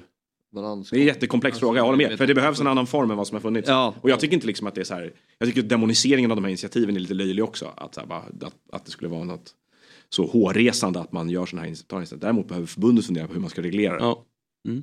Om vi blickar utanför våra gränser, då, internationella fotbollen, finns det en ljusning i sikte eller kommer det bara bli värre? Ja, jävligt bra fråga. Det är ju otroligt konstiga tider alltså. Du var ju på plats i Qatar och det var ju ett mästerskap som var kritiserat från, från svenskt håll och, och mm, ja, Norge och några, några länder till. Men annars har jag en, en bild av att eh, många är väldigt nöjda och tycker att det var ett lyckat mästerskap. Ja, i, i- runt om i världen är det nog så. Jag tror ju att i Europa är det ju liksom den breda fotbollspubliken och, och fotbollen är ju inte jätteimponerad av Infantino. Men Nej. han har ju en fotbollspolitik som gör att han sitter säkert ändå. Därför att det handlar inte om vad publiken tycker, det handlar om vad förbunden får för pengar av honom. Ja.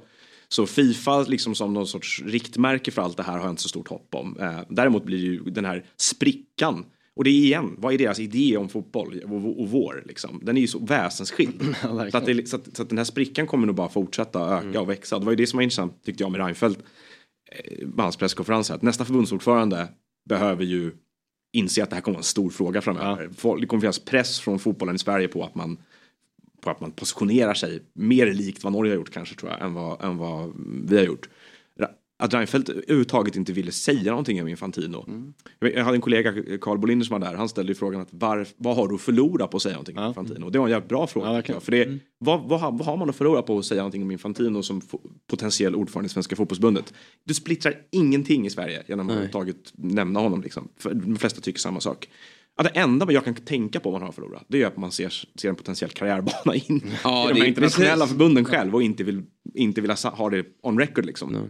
Vilket gör mig lite fundersam kring det här kanske. Men, men eh, eh, ljusning i övrigt, nu kom det ju Independent Football Regulator i England igår. Just det. Så det är toppen. Då Ja. kommer de bara knäppa bort saudierna och allihopa och göra rent, rent spel. Ja, du kan berätta lite om det då som kom fram. Jag läste bara kort om det. Men... Ja, det har ju varit på gång länge. De släppte Ja. en så kallad white paper i, i brittiska parlamentet igår. Som, som liksom är en sorts genomgång av problemen i, i engelsk fotboll. Eh, och som ju är på Var den spot on eller? Jag har inte läst hela. Nej. Men jag såg de liksom, punkterna som den här oberoende regleraren ska ha då, på sitt bord. Och det, det är ju många av dem, det låter ju jättebra. Liksom, att man ska, det ska bli hårdare kontroller av ägare, mer krav på mm, ekonomisk hållbarhet i modellerna för hur klubbarna drivs. Supportrar ska få säga till saker om förändringar av viktiga kulturella värden och sådär.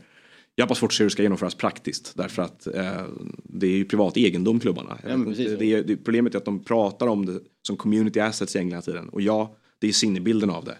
Men det är multinationella företag. Det skulle också gjort för 15 år sedan så att säga. Exakt, Eh, det är väldigt Den här sent. båten är ju igång så att säga. Den, har- ligger den är- iväg som rikast i världen. Och, skymtar en knappt horisonten längre. Så det är, nej, men, men, eh, så det, Men det är väl, det är väl att vi, vi är väl i någon skärningstid. Det är lite, jag, jag har en känsla att det, vi närmar oss någon sorts kokpunkt liksom, i Europa. Att, att mm, det, det här är inte förenligt längre riktigt. Det, det folk tänker och tycker om fotbollen. Det som händer. Jag, jag bara, tänkte på det du sa, att du, det här att det, scenarion som kan hota just Mm. kanske amerika affärsmän som vill sätta sin prägel på fotbollen.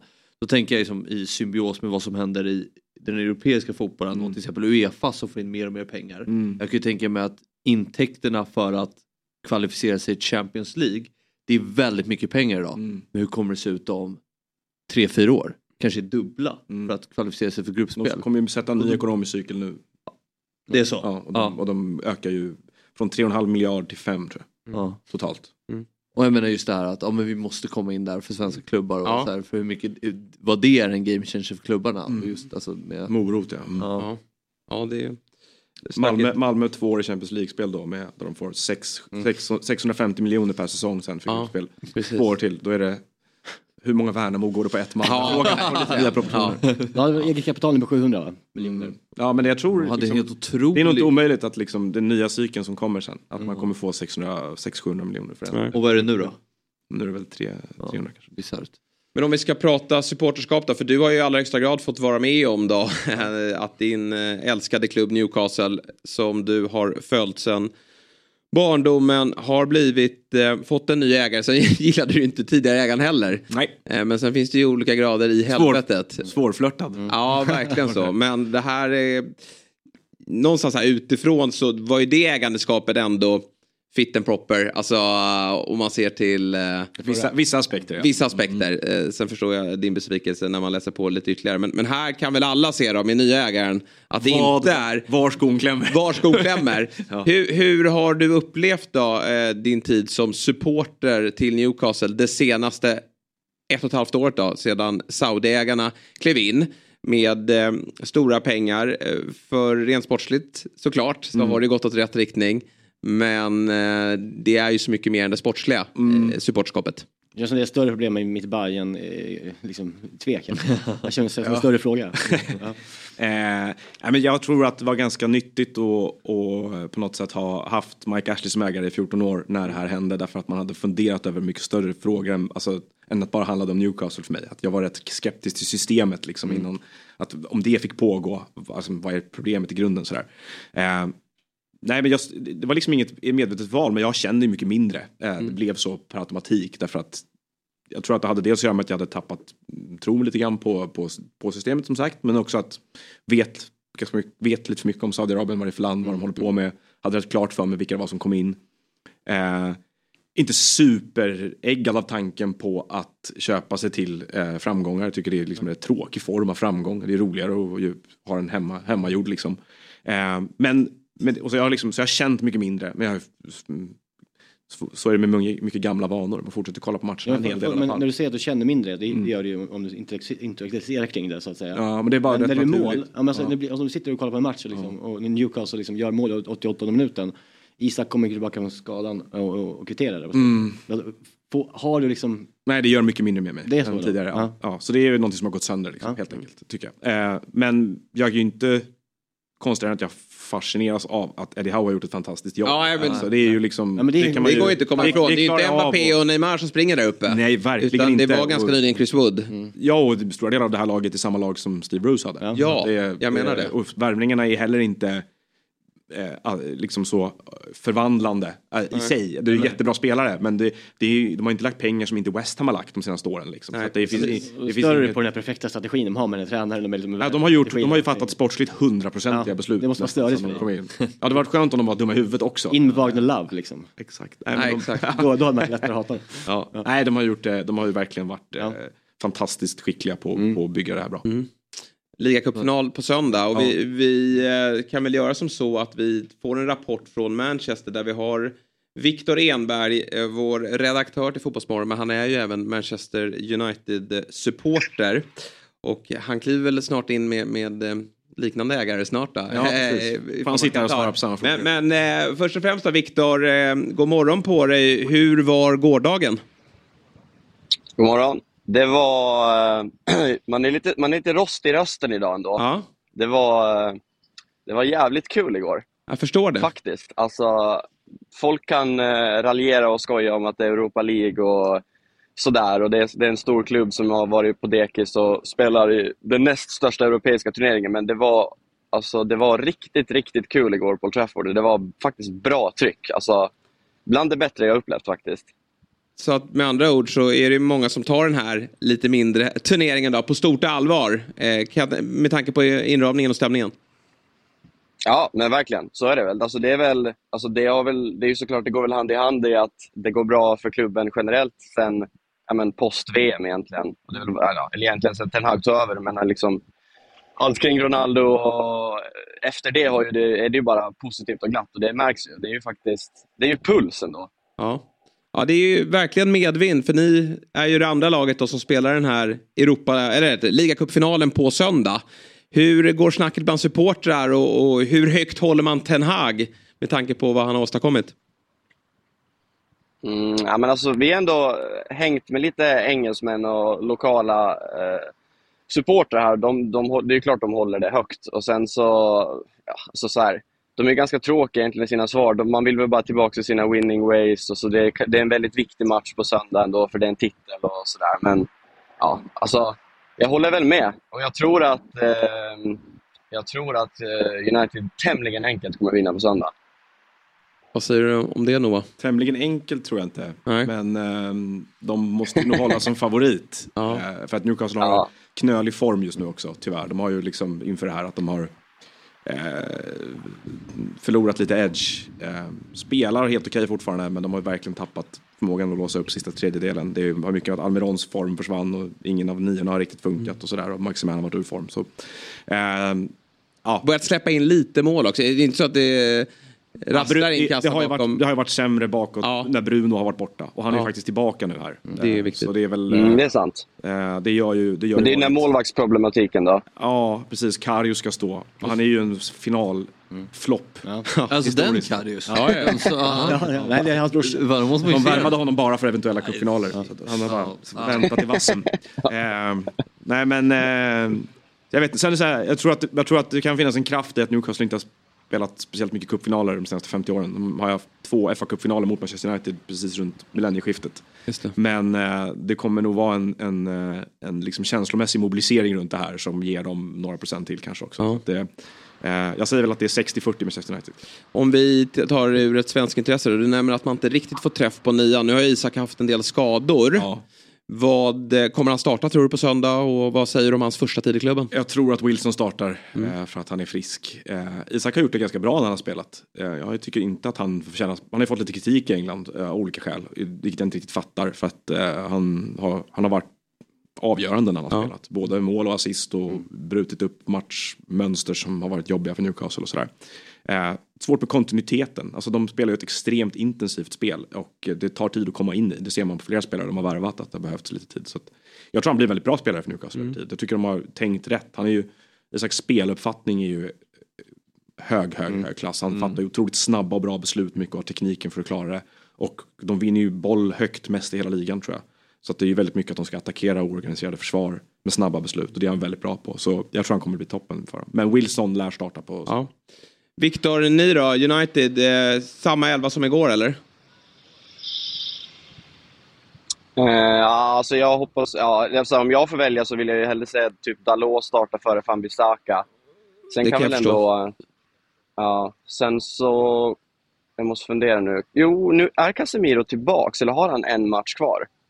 Casemiro får spela. Som avstängd. Jag tror han får Ja, spela. Ja, han får Han, spela. han, han, har- det var, ja, men, ja, ja, men då blir, ja, absolut. Jag tror det kan bli samma elva. Sen var ju Weghorst usel igår. Eh, men, Men vem ska man in han med har ändå där? fyllt någon sorts... Ja. Ja men du såg ju han, Fangal, nej Fangal. Ten Hag bytte, bytte ju ut honom Ja. ändå i paus igår. Och det ska han ändå, tycker jag, blev jag lite förvånad över. Han brukar, han har ju verkligen inte varit så tidig i sina förändringar.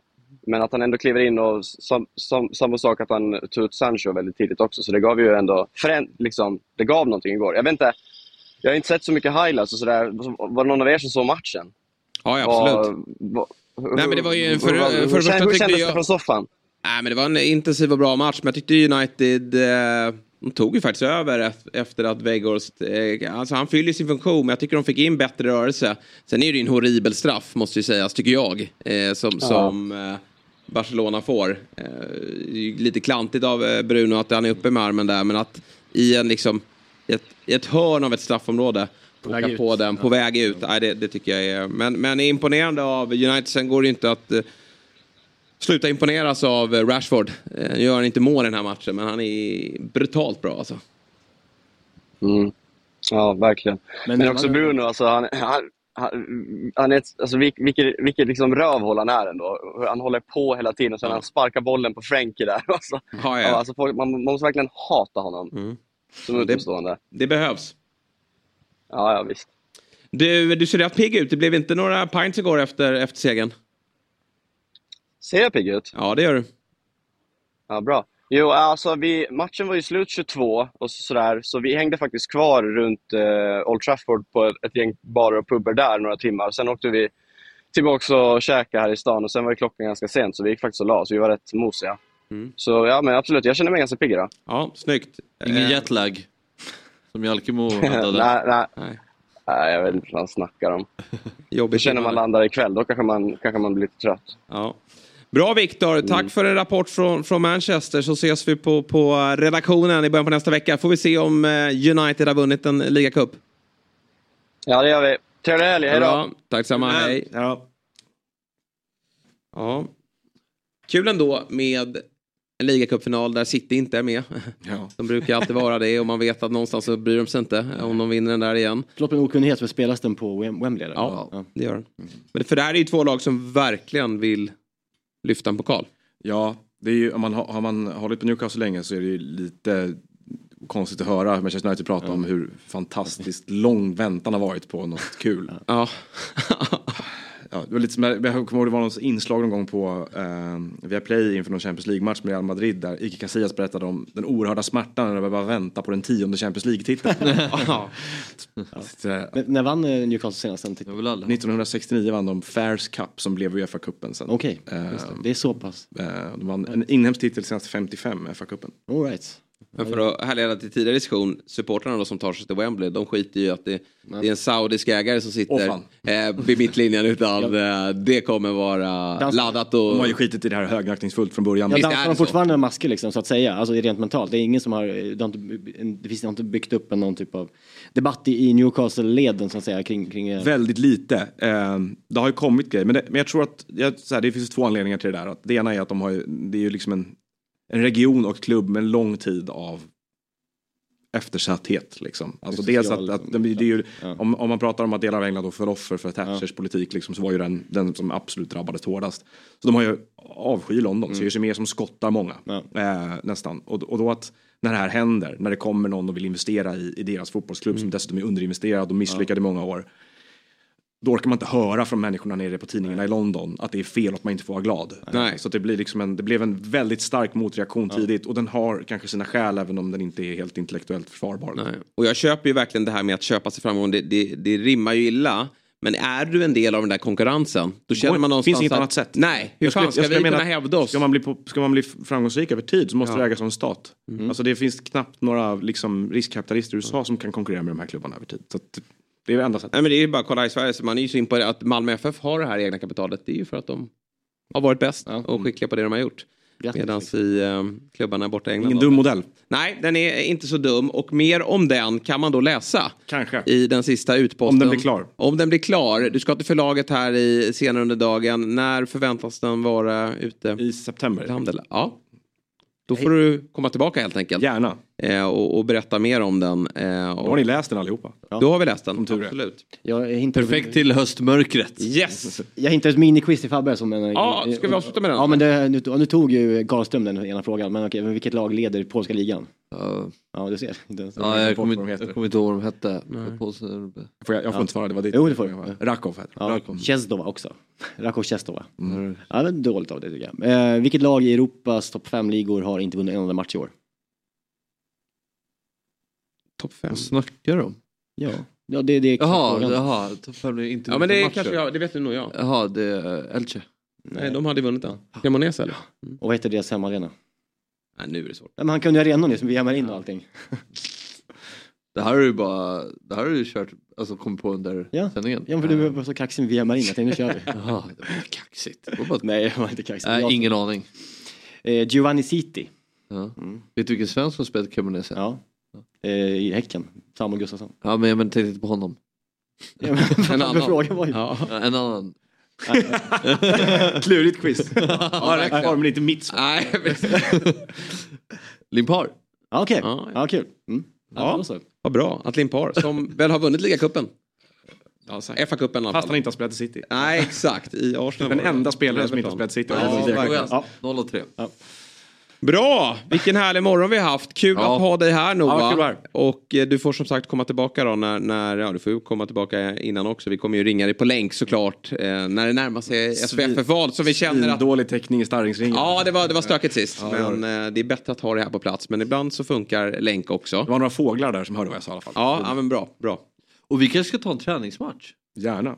Eller? Ja, vi kan prata om det när vi Ja. Ja, då, Vi har ett väldigt angeläget plats. datum. Ja, toppen. Bra. Eh, Lycka till. Spelar du? Mot. Nej, nej, nej. nej. Nej, inte jag heller. Då kan vi stå och röka vid sidan.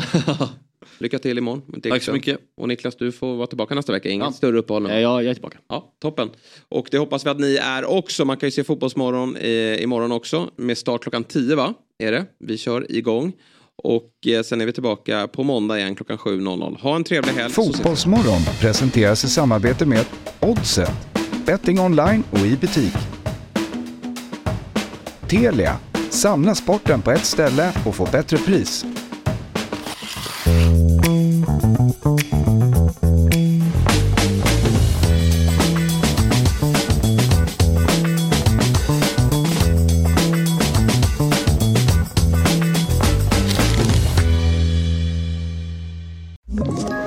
Ett poddtips från Podplay. I fallen jag aldrig glömmer djupdyker Hasse Aro i arbetet bakom några av Sveriges mest uppseendeväckande brottsutredningar. Går vi in med hemlig telefonavlyssning och, och då upplever vi att vi får en total förändring av hans beteende. Vad är det som händer nu? Vem är det som läcker? Och så säger han att jag är kriminell, jag har varit kriminell i hela mitt liv men att mörda ett barn, där går min gräns. Nya säsongen av Fallen jag aldrig glömmer på Podplay.